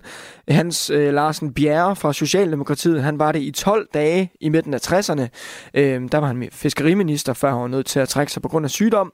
Og Bente Juncker, hun var 14 dage som socialminister i 1993. Hun måtte trække sig efter en skandalesag i pressen, hvor det kom frem, at hun havde klaget over øh, anbringelsen af evnesvage nær sit sommerhus. Vi tager tilbage til dig, øh, Jenny, vores øh, faste lytter i år. Hvordan kan du være så sikker på, at Mia Wagner hun bare ville have været en bravende succes? Jamen, øh, det er jo et stort spørgsmål, og programmet har ikke så lang tid. øh, hvad hedder det? Jeg er selv selvstændig erhvervsdrivende, øh, og er tidligere tjenestemand med en tilskadekomstpension øh, og arbejdet 17 år i etaten. Øh, og jeg, jeg, jeg går ind sådan også og kigger den vej rundt lige for at give den forklaring, ligesom siger, hvorfor er jeg så sikker på, at Maria Wagner øh, øh, kunne være et, et rigtig godt øh, bud herpå. Uh, det er et stort spørgsmål. Lad mig sige på den måde. Jeg vil hellere nemlig lige lave en anden vinkel. Det er, når et menneske går ind i politik på den her måde og siger ja til at være minister, var det så ikke måske en idé for alle de her, der kører shitstorm på det her, øh, øh, og, og tænke på, hvor meget er det, man skal ofre af gammel liv og gammel arbejdsmulighed, øh, øh, øh indtjening af penge osv. Øh, der er meget at ofre, når man går ind og siger ja til at blive minister, og det fortæller også noget om, at jeg, derfor er jeg blandt andet også sikker på, at hun har, hun har modet, hun har drivet til at ture og, og stå imod, for det er jo ikke bare lige et, et stykke arbejde, man bare siger ja til. Øh, øh, og det, der vil jeg egentlig også bare sige, at jeg sender egentlig bare super god energi til, til Mia Wagner og de nærmeste. Og, og, og så vil jeg lige hurtigt indskyde. Prøv at høre her, Marie Bjerg. Tillykke. Rigtig god vind. Fat mod hæv fanen. Noget, jeg slet ikke har spurgt dig om, Jenny, det er jo det her med, med vederlag. Det er der altså, øh, det er der mange, der, der mm. påpeger også på sms'en. Der er en, der skriver, mm. hun skal bare have kontanthjælp. Det var godt gennemskud som finanskvinde. Og der er en anden, der skriver, øh, Mia Wagner skal ikke have 600.000 af vores skattekroner i vederlag. Øh, når de giver, at, at det viser, at politikerne skider på folket og skattebetalerne, når de giver sig selv de vilkår. Øh, farver det dig, det her med vederlaget? Og det kan vi Gud ikke forarve mig, fordi det er efterhånden blevet et forarvelsessamfund. Øh, jeg kigger mere bag om det, fordi skulle jeg så sige det samme, da jeg øh, var ved at blive slået ihjel øh, for at udføre mit arbejde, hvis det var sket for mig efter måske en måned, skulle jeg så ikke have haft dispensation for, for den løn, jeg ellers kunne have tjent ved at være mange år i etaten. Øh, jeg har ikke noget problem med det vederlag, fordi igen, øh, øh, så er det jo noget, der er samfundsbestemt et eller andet sted. Så må vi jo gøre noget ved det som samfund og vælge de politikere ind, der måske er imod vederlag. Altså, kom morgen, øh, øh, lad nu være at blive så farvet over det her. Husk nu lige på, hvad, hvad, der, hvad der egentlig er offret i den anden ende for at sige ja til en ministerpost. Ja, men, det. men, er det, men er det ikke rimeligt nok at stille spørgsmålstegn ved det, når det er 14 dage? Nej, det synes jeg ikke. Altså, hvad er problemet? Altså, det, det, kan virkelig ikke, det kan virkelig ikke sætte mig ind i. Jeg kan sagtens forstå, øh, at folk de bliver farvet, og folk, der snakker om kontanthjælp og alt muligt, mm. det må de jo så være, fordi de selv er på kontanthjælp. Hvad ved jeg? Men det er jo meget nemt, når man peger mod andre, og der er tre fingre, der peger mod en selv. Jeg, jeg kan slet ikke blive forarvet over det der, fordi det, det er i bund og grund, øh, hvis man skal gøre det op i penge. Jeg har ingen idé om, hvad Mia Wagner har tjent før, men hun har sagt nej til meget for at sige mm. ja til det her. For, altså, så, så det, kan jeg ikke, det kan jeg ikke få på. Ja, 14 dage øve, hvor var det ærgerligt. Mm. Øh, øh, det kan jeg simpelthen ikke blive farve over. Beklager. Jenny, øh, tak fordi du vil være med i debatten. Vi er ved at løbet tør for tid. Ja, og så må I have det dejligt. I lige måde. På sms'en, der skriver, der er en, der skriver, skønt, vi fik uh, Marie Bjerre tilbage, det tror jeg faktisk, jeg har læst op. Og der er en anden, der skriver, det vil uh, klæde Mia og give afkald på vederlaget. Tak for ingenting. Men god bedring, skriver Anja. Og så har jeg også fået en uh, sms fra dig, Mark på 42 i uh, Ølgod. Hej med dig. Ja, det har du. Du skriver regler og regler. Ja, altså det er nogle regler, de har vedtaget derinde på Folketinget, og øh, så længe de er der, så må det jo bare være sådan. Så jeg er helt enig med den tidligere lytter, du havde inden, at øh, jeg er slet ikke forarvet over det her. Jeg kan nærmest blive lidt mere forarvet over alle folk, der skriver ind, som egentlig er forarvet. Mm. Fordi hvis de selv må bestemme deres løn på deres arbejdsplads, så vil de også stemme mere til det. Men nu siger du regler regler. Regler kan jo laves om. De er jo ikke skåret i sten. Det har du helt ret i. Og så skal de bare lave dem om, og så når de har lavet dem om, så gælder den regel fra når de har lavet det om. Men indtil da, så er regler mm. jo sådan, som den er nu. Der er jo rigtig mange, der skriver øh, god bedring til Mia Wagner, både i sms'en og øh, også på sociale medier og alt, øh, alt deromkring. Øh, hvad, hvad tænker du om det, at hun nu ikke bliver minister alligevel? Tror du, det betyder noget? Ja, altså, jeg tror da helt sikkert, at Troels Lund har jo ikke siddet og har regnet med det her. Jeg tror da, han har regnet med, at det bliver sådan Tom, Tommy Ahlers effekt. Altså få lidt mere, ja, hvad man siger, udfrakommende ind i borgen. Så det, det, det tror jeg, at det går lidt ud over venstre, det her. Men altså, det her det er jo også glemt igen om nogle måneder, så så meget gør det vel heller ikke, tror jeg. Ikke? Mm. Mark, øh, tak fordi du ville øh, være med. Ja, velkommen. Og øh, nu skal vi nemlig videre til øh, dagens og ugens sidste emne. Radio 4. Ikke så forudsigeligt. Og vi skal tale om det hvide stas, som øh, fylder mere og mere i bybilledet, og som man måske, måske ikke boldrer sig i. Øh, hvilken festlig fredag det bliver. Vi skal tale om kokain.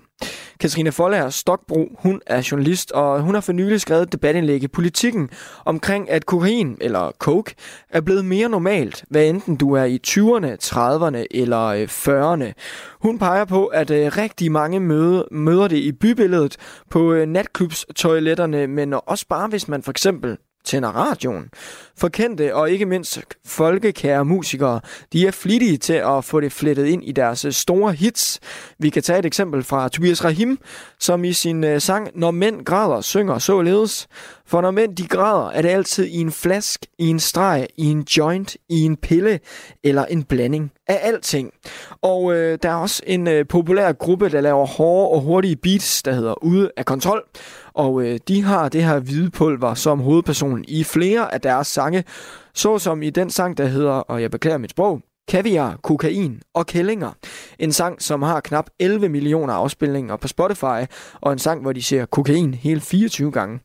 Katrine Follers pointe, det er, at selvom vi ser det i øh, bybilledet, hører om det i sangene, måske ser det i fjernsynet, så er der ikke nogen, der gør noget ved det. Vi accepterer det bare. Om få minutter, der skal vi tale med hende selv og blive klogere på, hvorfor hun mener, at øh, kokain er blevet mere legitimt og normalt. Og senere skal vi også tale med lektor på Center for Rusmiddelforskning på Aarhus Universitet, Thomas Friis Søgaard. Han er enig med Katrine i, at man møder kokain i sange, og at det er relativt nemt, nemt at få fat i, men han er ikke enig i, at det er blevet normaliseret. Han peger på, at det er en lille gruppe, som stifter bekendtskab med øh, kokain. Det ændrer altså ikke på, at det er blevet nemt at få fat i. En enkelt søgning på appen Snapchat så kan du lynhurtigt finde profiler, som er villige til at sende dig, sælge dig kokain, og ikke mindst levere det lige til døren. Vi tager altså debatten nu, og jeg vil mægtig gerne høre fra dig. Synes du, vi vender det blinde øje til kokainen i Danmark? Ring ind 72 30 44 44, eller send mig en sms 1424. Og øh, hvis du er modig nok til selv at øh, fortælle om dine erfaringer med kokain, hvis du har sådan nogen, så vil jeg også meget gerne høre fra dig. Radio 4 ikke så forudsigeligt. Og debatten den starter vi i Svendborg, Svendborg og øh, hos dig, Kasper Fjord, på 37. Øh, Hej med dig. Hej. Kasper, synes du, vi vender det blinde øje til kokain i Danmark? Øh, ja, særligt fra myndighedernes side. Øhm, og jeg vil altså gerne lige, lige bygge en kommentar til ham, den tidligere indringer, øh, der snakkede om, øh, noget med lovgivning og regler og ret og sådan noget. Ja, det, det er altså et ulovligt stof. Det er ulovligt at have på sig og det er ulovligt at tage, og man må ikke have noget med at gøre. Og, det, og, og, og det jeg tror, den gamle indringer, det er lige vigtigt at sige, det var på et andet emne. Øhm, ja, det var på et andet emne, ja. men det er bare et forlængelse af det. Øh, jeg får lige samfundsfaglig hatten på. Ikke? Men, det, men det er bare, at nu sagde ham der Ringgaard der, som du lige citerede, var også før, her, at, øhm, at, at, at, at, at, det er, at det er en lille gruppe. Jeg var inde og google og finde nogle tal. 3 procent af befolkningen tager det på månedlig basis. Mm. Det er altså ret mange. Og det er jo kun dem, der tager det på månedlig basis. Så er der dem, der tager det hver anden måned og hver halve år og sådan noget. Det, det er altså for nemt at få fat på. Og øh, jeg, altså min retsfølelse, øh, den kan godt blive en lille smule krænket, når det er, at... Øh, fordi vi kender jo alle sammen til nogen, der gør det, eller, eller, eller vi ved, eller vi har en mistanke om, at der er nogen, der gør det, sådan noget. Der er ikke noget ved det. Altså, det, det, det er blevet alt for meget elementære i min verden. Men, har, synes, har du med det, er... i din hverdag, øh, Kasper, eller når du har været i byen? Altså, oplever du også, det er blevet mere normalt? Nu er jeg rockmusiker også, ikke? Så øh, det giver jo sig selv. ja, selvfølgelig. Mm. Øhm, det har jeg. Og jeg har også nogen, der gør det flere gange om ugen, og jeg kender også nogen, der sælger og sådan noget. Men jeg går ikke rundt og stikker folk, jeg kender. Øh, og det, det er jo nok det, der er, det, der er problemet. Ja, jeg skulle lige til at sige, at du så ikke også en af dem, der vender det blinde øje til? Jo, det er Jamen, det, det er helt forfærdeligt. Og, og jeg er blevet opmærksom på det i forbindelse med, at jeg skulle tale om det her emne. Og det, jeg tror ikke, jeg tænker mig... Altså, jeg ved ikke, altså, ikke, jeg tænker ikke, at dem, der sælger på gaden eller på diskoteker eller de der øhm, sådan noget, det er ikke dem, man skal gå efter. Man skal finde ud af, hvem det er, der importerer det. Altså, hvem er distributørerne til gadesælgerne? Øh, bagmandspolitiet øh, må lave en særlig indsats for at sørge for, at de her stoffer ikke flyder i gaden, der flyder, flyder i gaden på den her måde. Derudover, så er det jo også et problem, at, øh, at det er jo et folkesundhedsmæssigt problem. Mm. 6 procent af befolkningen på månedlig basis for kokain, det lyder altså ikke særlig fornuftigt. Hvorfor, øh, hvorfor bør du ikke tale dem fra det? Det, det kan du ikke. Mm. Det, det, det kan jeg ikke. Okay. Altså hvis det for eksempel er et bankmedlem, altså, det, det, så, så, så, så, så kommer jeg ikke og spiller trommer. Mm. Det, det, det, det, det, de, de, de bliver så afhængige af det. Jeg kan jo heller ikke rende rundt og fjernstyre folk. Det er jo ikke min opgave at være politimand. Kasper, tak for at sætte debatten i gang. Vi skal, vi skal videre. Jeg vil rigtig gerne høre fra dig. Synes du, vi vender det blinde øje til kokainen i Danmark? Så vil jeg rigtig gerne øh, høre fra dig, hvad, hvad du tænker. 72 30 44 44. Du kan også sende mig en sms på 1424. Og har du egne erfaringer? Har det fyldt noget i din hverdag? Så vil jeg også mægtig gerne høre fra dig. Du lytter til Ring til Radio 4. At man som dansker går rundt med små poser sne i lommen, det er blevet normen. Det må I vende jer til. Hvordan vi kommer af med den norm, ja, det kan jeg ikke svare på. Jeg ved bare, at jeg ikke har tænkt mig at gribe ind, når en flink mand rækker mig en toiletpapir, om han har flormelis i næsen eller ej. Sådan skriver du, øh, Katrine Forlager Stokbro, i et øh, debatindlæg i politikken. Velkommen øh, i programmet. Tak skal du have. Normen, og det må vi vende os til. Altså, hvordan mener du, hvor, hvorfor mener du, at kokain er blevet normalt? Øhm, ja, jeg mener, en ting er, hvad man oplever, når man går i byen. Og jeg kunne høre, den forrige lytter fortalte, at det er også noget, som øh, han oplever meget. Men jeg mener også bare, altså når vi ser det normale, at det er noget, vi oplever i øh, vores kulturliv. At det er noget, vi hører i radioen. Jeg kunne høre i din intro, du også nævnte det øh, adskillige sanger, for eksempel Sofia Trahim. Men det er også noget, vi ser i vores tv-programmer. Det er øh, det er noget, som vi... Jeg, jeg mener, at vi har oplevet en stillesigende accent i, øh, i Danmark øh, blandt danskerne. Og øh, jeg, jeg ved ikke, hvad der skal gøres ved det, men det er et... Øh, det er noget, der foregår. Ja, for er du ikke også selv øh, inde på øh, i dit debatindlæg, at du selv vender det blinde øje til? Jo, jo. Det gør jeg da. Mm. Det gør jeg da helt sikkert. Hvorfor, hvorfor gør du det? Jamen, jeg ved ikke, hvad jeg skulle gøre. Men jeg mener heller ikke, jeg ved ikke, om det skal være... Altså, det, der er mest af min pointe, er, at øh, jeg er overrasket over, at folk bliver så overrasket. Jeg er overrasket over, at de, der ikke oplever det i bylivet, bliver så overrasket over, at det foregår. Fordi for eksempel så har vi Tobias Rahim, der, er, der mødte over 20.000 mennesker op, da han holdt koncert i øh, Tivoli. Mm. Og øh, han har sammen med Red Barnet holdt en koncert i, øh, hvad hedder det, i, på Costadia for nylig, for at samle penge til Gaza som er en øh, hjælpeorganisation, og han står og synger om øh, kokain, og det brager ud af de her højtalere, mm. og det er så fint, og øh, vi har det fint med det, og alligevel så bliver man overrasket over, at der er kokain i vores øh, i danskernes liv. Jeg forstår det simpelthen ikke. Og, øhm, og Katrine, for dem, der ikke øh, oplever det her, eller i, i nattelivet, eller hvor det er, mm-hmm. kan du ikke prøve at være meget konkret på, hvordan du, du synes, det er sådan åbenlyst, for eksempel i byen? Nå, men det kan være, hvis man går på toilettet. Så ja. kan man se, at, øh, at de står ved vasken, for eksempel. Øh, for 10 år siden, hvis to mænd gik ud af et toilet, så ville jeg tænke, at det var noget andet, end hvis to mænd ud af et toilet. Nu er det meget tydeligt, hvad det er, der er foregået derinde, hvis flere mennesker går ud af det samme toilet. Øh, jeg har gået til privatfester, hvor øh, jeg har fået det tilbudt. Det er ikke svært længere at få fat i. Man kan også øh, hurtigt opsøge det på øh, Facebook, eller ikke på Facebook måske, men på Instagram og Snapchat. Mm. Det er ikke svært at få fat i. Man oplever det nemt. Lidt senere der skal jeg tale med Thomas Friis Søgaard. Han er lektor på Center for Rusmiddelforskel på Aarhus Universitet. Han mener mm. ikke, at kokain er accepteret og normalitet. Øh, ifølge, ifølge en rapport fra Sundhedsstyrelsen, så er, der også, så er det 11,1 procent af de 16-44-årige, der nogensinde ja. har prøvet kokain. Kunne det ikke være et tegn på, at det måske ikke er udbredt og accepteret, men at man ser det nogen steder? Det handler ikke så meget om, hvor mange der tager kokain. Det handler om, at vi ikke øh, har Altså, vi har haft de her skyklapper på. Det handler om, at det er blevet normalen i kraft af, at vi ser det i vores samfund og i vores kulturliv. For eksempel den serie, der hedder Agent. I første afsnit, så finder hovedrollen en, øh, en stor beholder med øh, kokain i, og det bliver der gjort lidt sjovt med. Og øh, han siger, wow, der er for 20.000 kroner. Han tager ikke enorm afstand fra det, eller giver det til politiet, eller noget. Det er i vores kulturliv, i vores samfund, øhm, øh, noget, vi kan lave lidt sjov med. Og det gør vi ikke med depression, det gør vi ikke med alkoholforbrug osv. Det gjorde vi måske for 20 år siden. Men øh, i dag så tager vi afstand for de her ting, det gør vi ikke med kokain. Der er bare ikke samme fokus på det. Så det handler egentlig ikke om, hvor mange mennesker, der tager det, at det er normaliseret på den måde. Fordi der tror jeg, jo, forbruget er stedet, det er det. Øh, men det handler ikke om, hvor mange der tager det. Det handler om, at det er blevet normaliseret i kraft af, at det bare er en del af den menige kultur i, i Danmark. Og hvad skal vi gøre for at ændre den kultur? Jeg har absolut ingen idé. Altså, jeg synes ikke, at vi skal til at bede Jacob Engel om at aflegitimere eller legitimere hvad kan man sige, at altså, det er jo en afspejling af, hvordan at det foregår i festlivet og så videre. Det, selvfølgelig skal kulturen kunne, øh, kunne afspejle det danske Men festliv. hvor, hvorfor for eksempel ikke prøve at straffe det noget hårdere? Ja, det kan da godt være, det er løsningen. Jeg, jeg har absolut ingen idé. Jeg synes, at, øh, at øh, en måde at løse det på er, at, øh, at der først og fremmest kommer fokus på det, og det er godt, at der begynder at komme fokus på det. Mm. Jeg synes igen, at det er lidt sjovt, at der ikke er lagt fokus på det før, man ikke har opdaget det før. Øhm, mm. Katrine Forlager ja. Stokbro, tak for at ville tale med mig. Jamen selv tak. Altså, øh, forfatteren bag et øh, debatindlæg i politikken, hvor det bliver påpeget, at øh, det her med kokain, det er altså blevet en norm.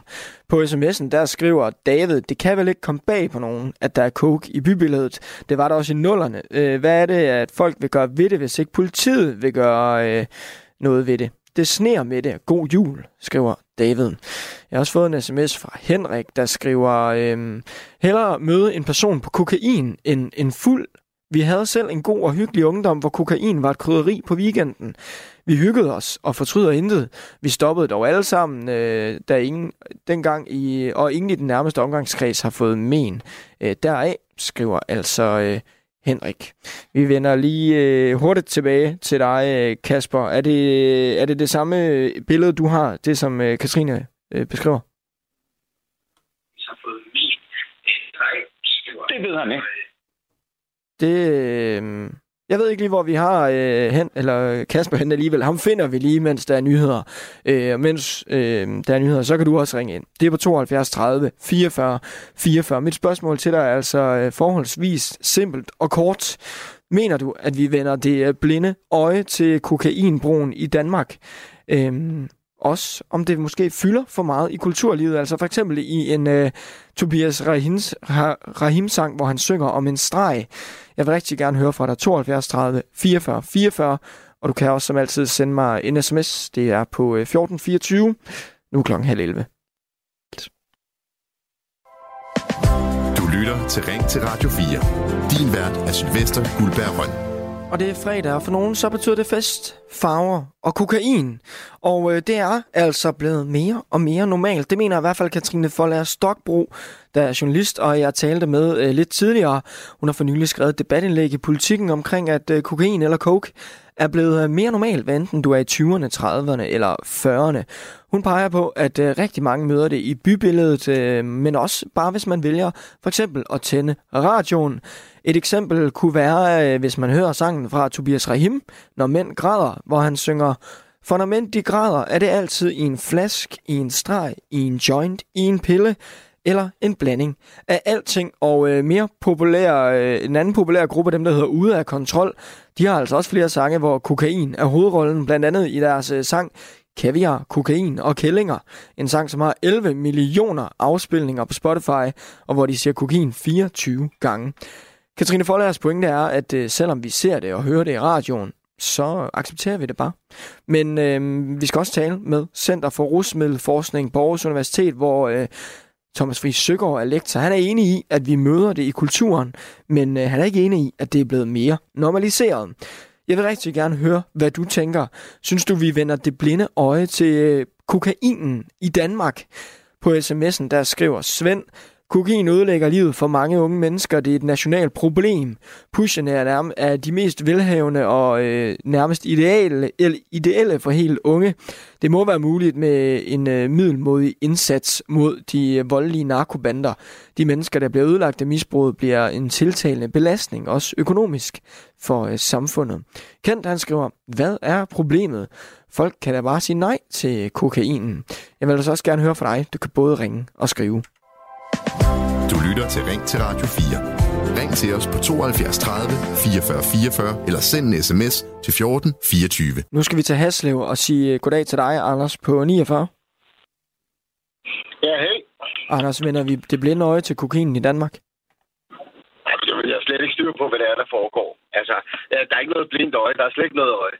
Altså, der er ingen idé om, hvad fanden der er, der foregår. Der er altså, hvis vi, lad os lige prøve at gå lidt tilbage, mm. og så få lidt fakta på tingene her.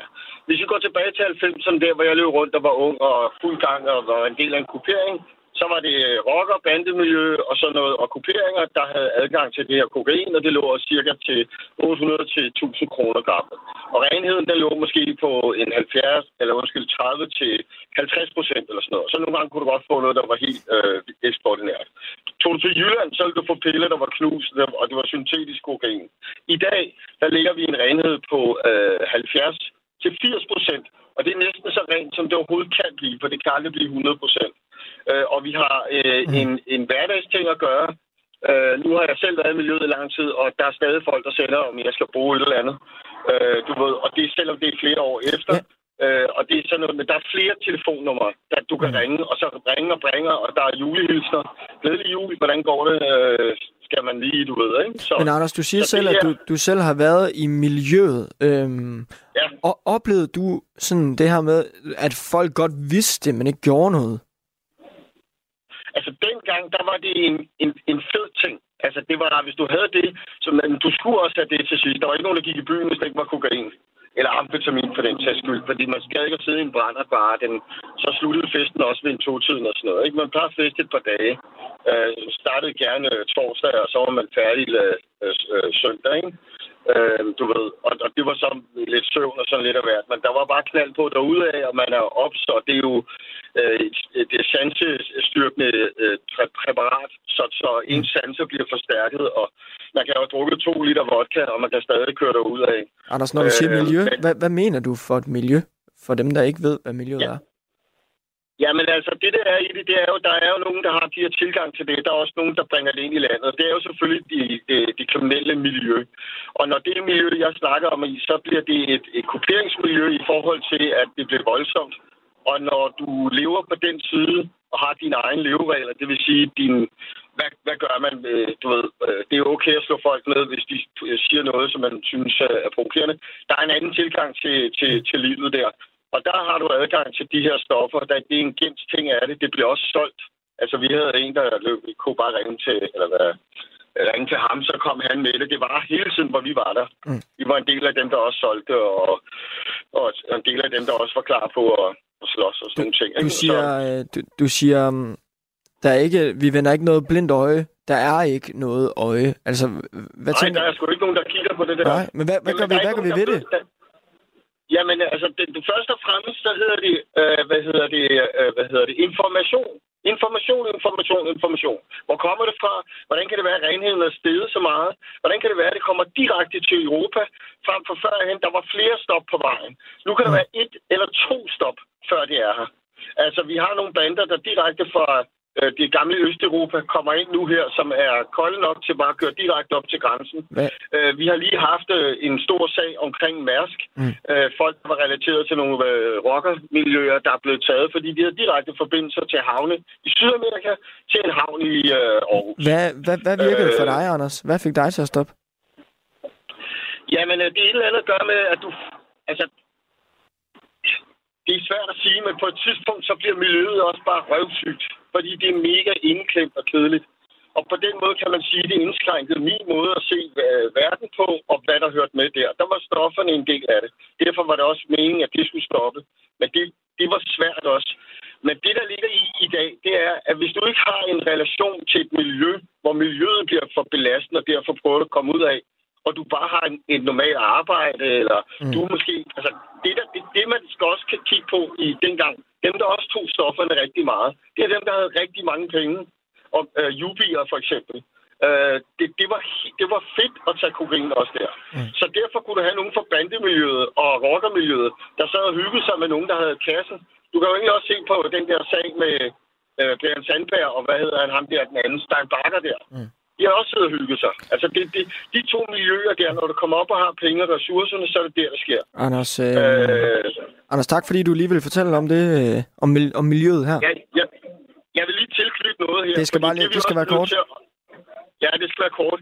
Det, der er på vej nu her til Europa, det hedder fentanyl. Og når fentanyl kommer som er psykedelisk stof, så overtager det heroin, og det tager overtager kokainen, og så dør vi som fluer. Og det skal vi være klar på, det her. Mm. Gå kig til USA og, og Canada i nogle fine områder, hvor folk ligger og dør på gaderne. Så, øh, så det er vigtigt, at vi fortæller om det her, så det er et godt emne. Tak for snakken, Anders. God weekend. På øh, sms'en, der skriver, øh, der er der en, der skriver, det er sgu ikke Tobias Rahims skyld, at flere tager stoffer.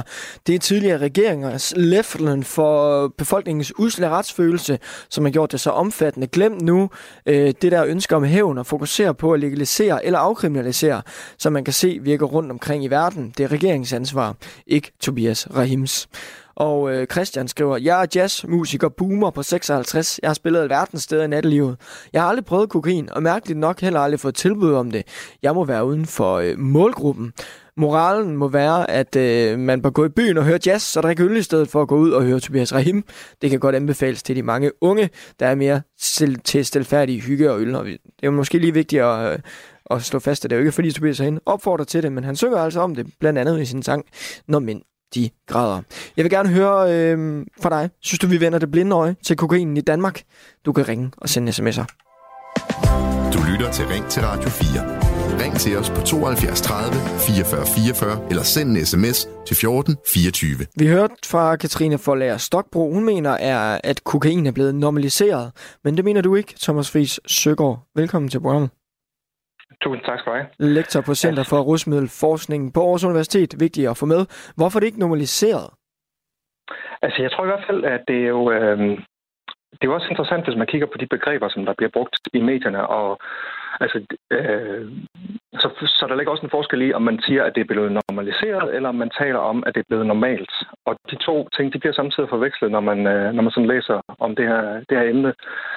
Øh, og, jeg, og jeg tror i hvert fald, man kan sige med ret stor sikkerhed, at jeg mener ikke, at der er noget sådan forskningsmæssigt belæg, som peger i retning af, at kokain er blevet et normalt fænomen. Mm. Øh, og det, og det handler jo om, altså hvis man kigger på de autoritative undersøgelser, som findes på det her felt, jamen så er der jo øh, Sundhedsstyrelsens, de laver sådan en stor spørgeskemaundersøgelse. Center for Rusmiddelforskning, de laver også sådan en stor national spørgeskemaundersøgelse. Og hvis man kigger på for eksempel øh, Sundhedsstyrelsen, jamen så, så peger det jo på, at der er omkring øh, 4,2 procent, som det seneste år siger, de har brugt kokain. Øh, og går man nu til den undersøgelse, som Center for Rusmiddelforskning har lavet, og som netop er udkommet her for ikke så lang tid siden, jamen den peger på, at inden for den seneste måned, der er der cirka 3 procent, som siger, at de har brugt kokain mm. om måneden. Og, og man skal spørge sig selv, jamen øh, selvfølgelig er der også altid et mørketal i den her type. Øh, det er sådan en spørgeskemaundersøgelse, hvor, hvor folk de bliver kontaktet. Det er et repræsentativt udsnit, der bliver, der bliver øh, kontaktet af danske unge og bedt om at være med. Og selvfølgelig er der også nogen, der ikke har lyst til at være med. Så der er også et vist mørketal. Mm. Men alt andet lige, jamen så peger det jo i retning af, at der må er omkring øh, 95 procent af danske unge, som ikke gør det her. Men man kan også gå så lidt mere uvidenskabeligt til værks. Det gjorde TV2 Østjylland blandt andet i 2021. Der testede de alt 21 bar fra, og natklubber i øh, blandt andet Aarhus, Æbeltoft, Greno og Hammel. Og her fandt de kokainrester på 18 ud af 21 steders toiletter. Er det ikke, er det, er det ikke meget? Eller altså, viser det ikke noget? Jamen altså, det virker, jeg tror ikke, at der er nogen, der stiller spørgsmålstegn ved, at kokain det er en del af den danske natklubscene. Mm. Det er det. Og det har det været i mange år. Øh, så, og, og det vil jo også være, ligesom nu hørte vi den, øh, den tidligere person her, som, som, som lige var med i jeres program, som også sagde, at i nogle miljøer er det meget udbredt. Altså i nogle miljøer, øh, sub, subgrupper i Danmark, der vil det jo der vil, der vil det være, øh, brugen være så omfattende, at man måske godt kan tale om, at der er det en, en normal ting. Men når man kigger ud i det, maler med den helt store pensel og kigger på det generelle tendens øh, blandt unge og unge voksne i Danmark, jamen altså, så er det stadigvæk en relativ lille gruppe, øh, som gør det her på sådan en regelmæssig basis. Mm. Her på redaktionen, der lavede vi lige en hurtig søgning på det her med tilgængelighed. Det gjorde vi på appen Snapchat. Hvis man søger på Sne Aarhus, altså hvor sne refererer til kokain, så får man smidt otte forskellige profiler lige i smasken, der sælger hovedet, øh, der, der, der sælger kokain. I, øh, og det er bare i Aarhus. Altså det virker til at være uhyre nemt at få fat i. Hvor, hvor nemmere er det blevet? Altså hvor mere udbredt er det på den måde? Jamen altså, der er ingen tvivl om, at i takt med, at mere og mere handel er rykket på nettet, så er det blevet nemmere tilgængeligt.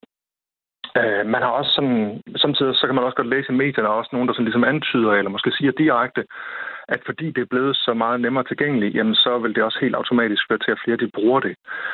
Men der tror jeg, det er, det er ret vigtigt, at man lige, sådan, øh, lige klapper hesten lidt, fordi man kan sige, det, at øh, kokain er nemmere tilgængelig, og det tror jeg, det er et uomtvisteligt faktum, Jamen, det betyder jo ikke, at alle unge, som ligesom ser det på deres Snapchat-profil, eller ser det andre steder, de også per automatik øh, også vil falde i suppen, kan man sige, og, øh, og bruge det.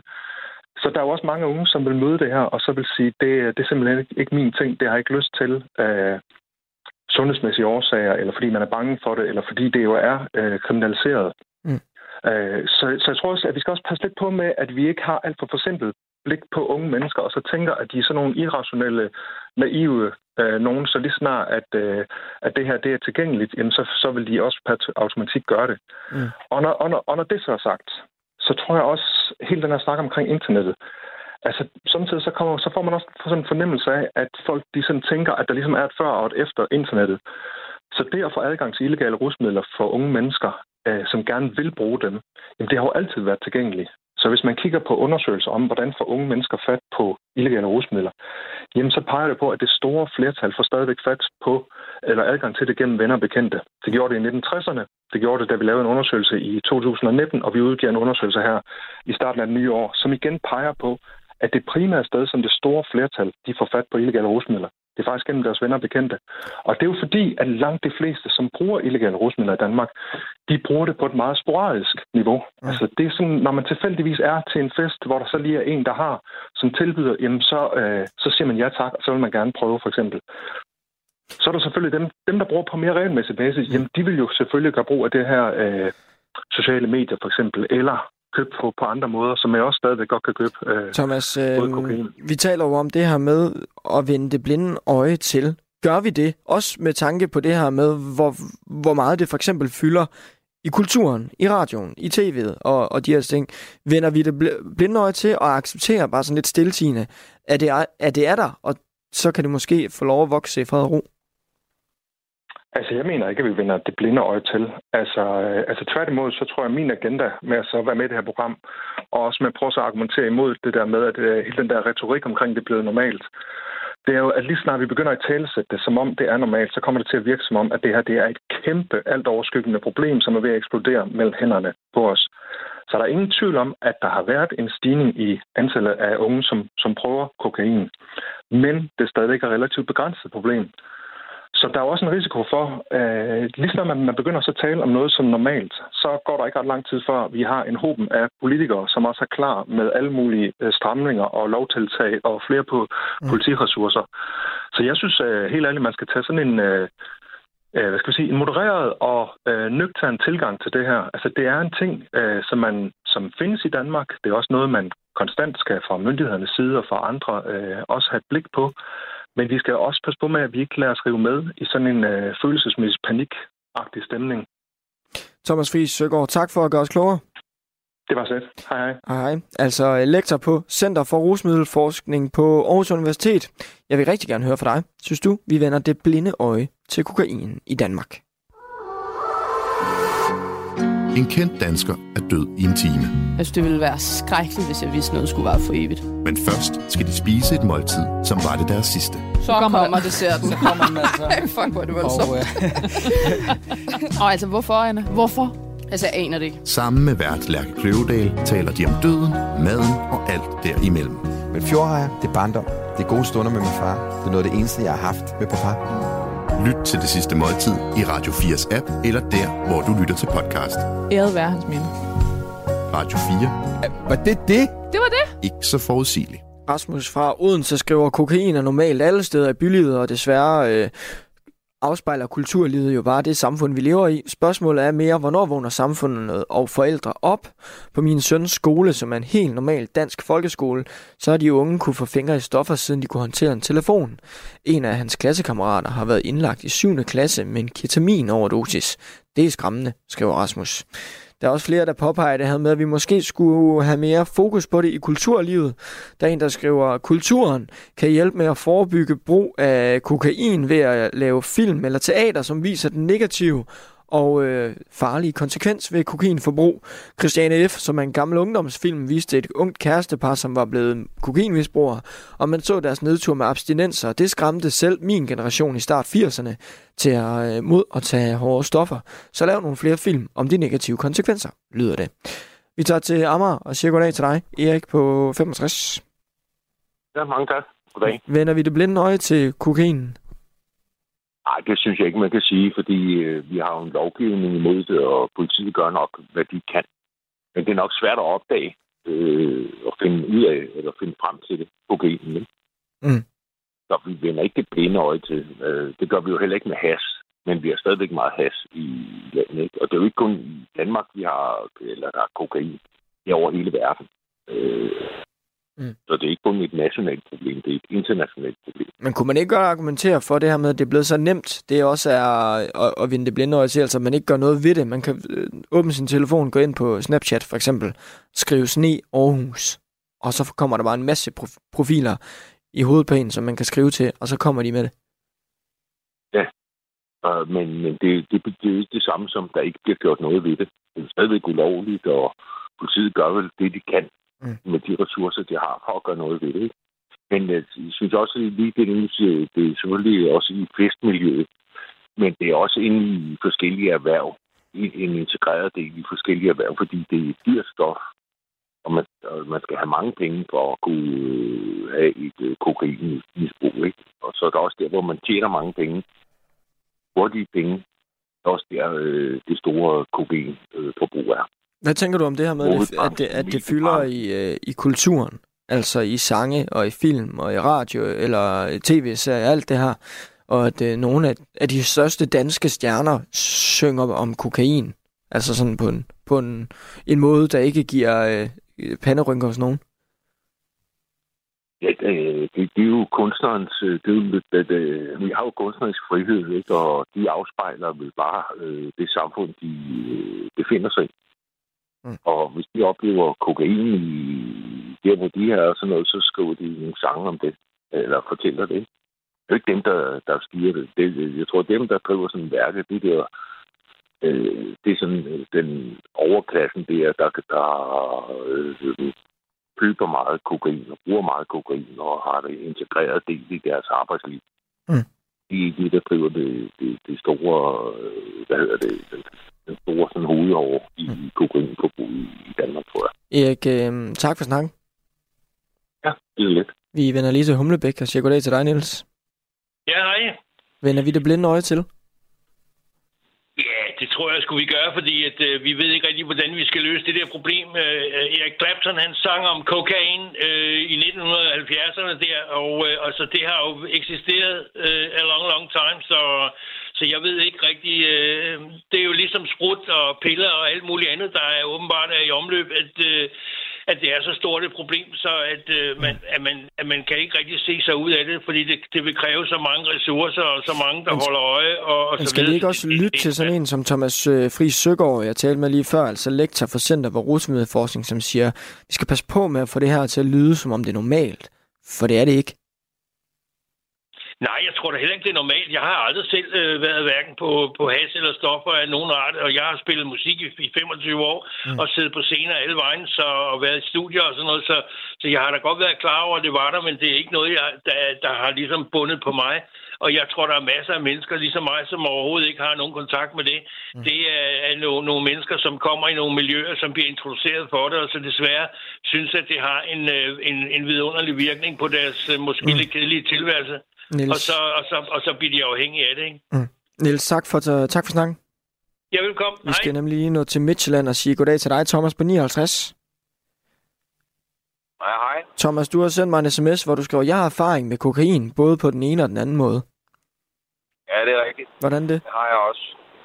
Jamen, jeg har selv været øh, storforbruger af kokain i sin tid, øh, og arbejder nu med at øh, med folk, som har afhængigheder mm. øh, af stoffer. Oplever du, vi vender øh, det blinde øje til i dag?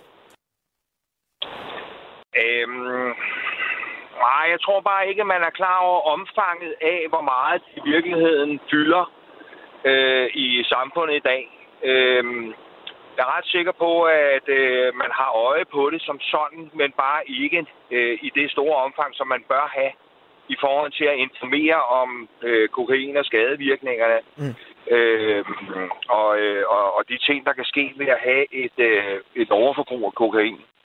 Øh, jamen, jeg, jeg synes faktisk, man burde have det i skoleundervisningen, sådan noget her, ikke? fordi det er, det er helt umuligt at dæmme op for, sådan som jeg i hvert fald oplever det. Øh, det findes i alle samfundslag. Det koster ikke det samme, som det gjorde øh, i starten af, af nullerne. Øh, jeg vil skyde på, at du kan få en, øh, en 10 gram for, en, øh, for omkring 360-400 kroner grammet nu, øh, hvor det kostede en 3-4 gange så meget dengang. Øh, så der er mange flere, der har råd til det. Øh, der er mange flere, som øh, har adgang til det via de sociale medier og sådan nogle ting, så det spreder sig bare. Mm. Øh, det er blevet billigere, og det er blevet renere, øh, og, øh, og det gør store, store skader rundt omkring øh, hos, hos øh, mange af dem, som forbruger for meget. Mm. Øh, der er nogen, der skriver mere det her det... Om, om, om film og teater og serier, hvor man måske prøver at fremhæve de, de lidt øh, øh, konsekvenserne ved det. Tror du, det, tror du, det hjælper? Ja, altså al information om konsekvenserne ved det vil være at ønske, synes jeg. Mm. Øh, fordi det er det, jeg synes, der er lidt af måske det blinde øje i forhold til øh, øh, øh, hvad hedder det, øh, informationsniveauet på øh, skadevirkningerne.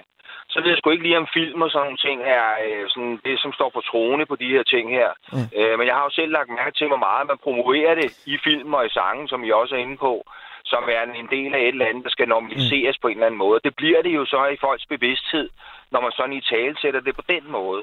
Hvis man går den anden vej og, og, og, og viser lidt på skaderne der, så tror jeg, man skal ud i noget dokumentar okay. og sådan nogle ting, for det ligesom sådan bliver noget, som, uh, som man tror på. Ellers så bliver det bare sådan en miskmask af forskellige rettede signaler, som, uh, som ikke uh, sådan, har dybde.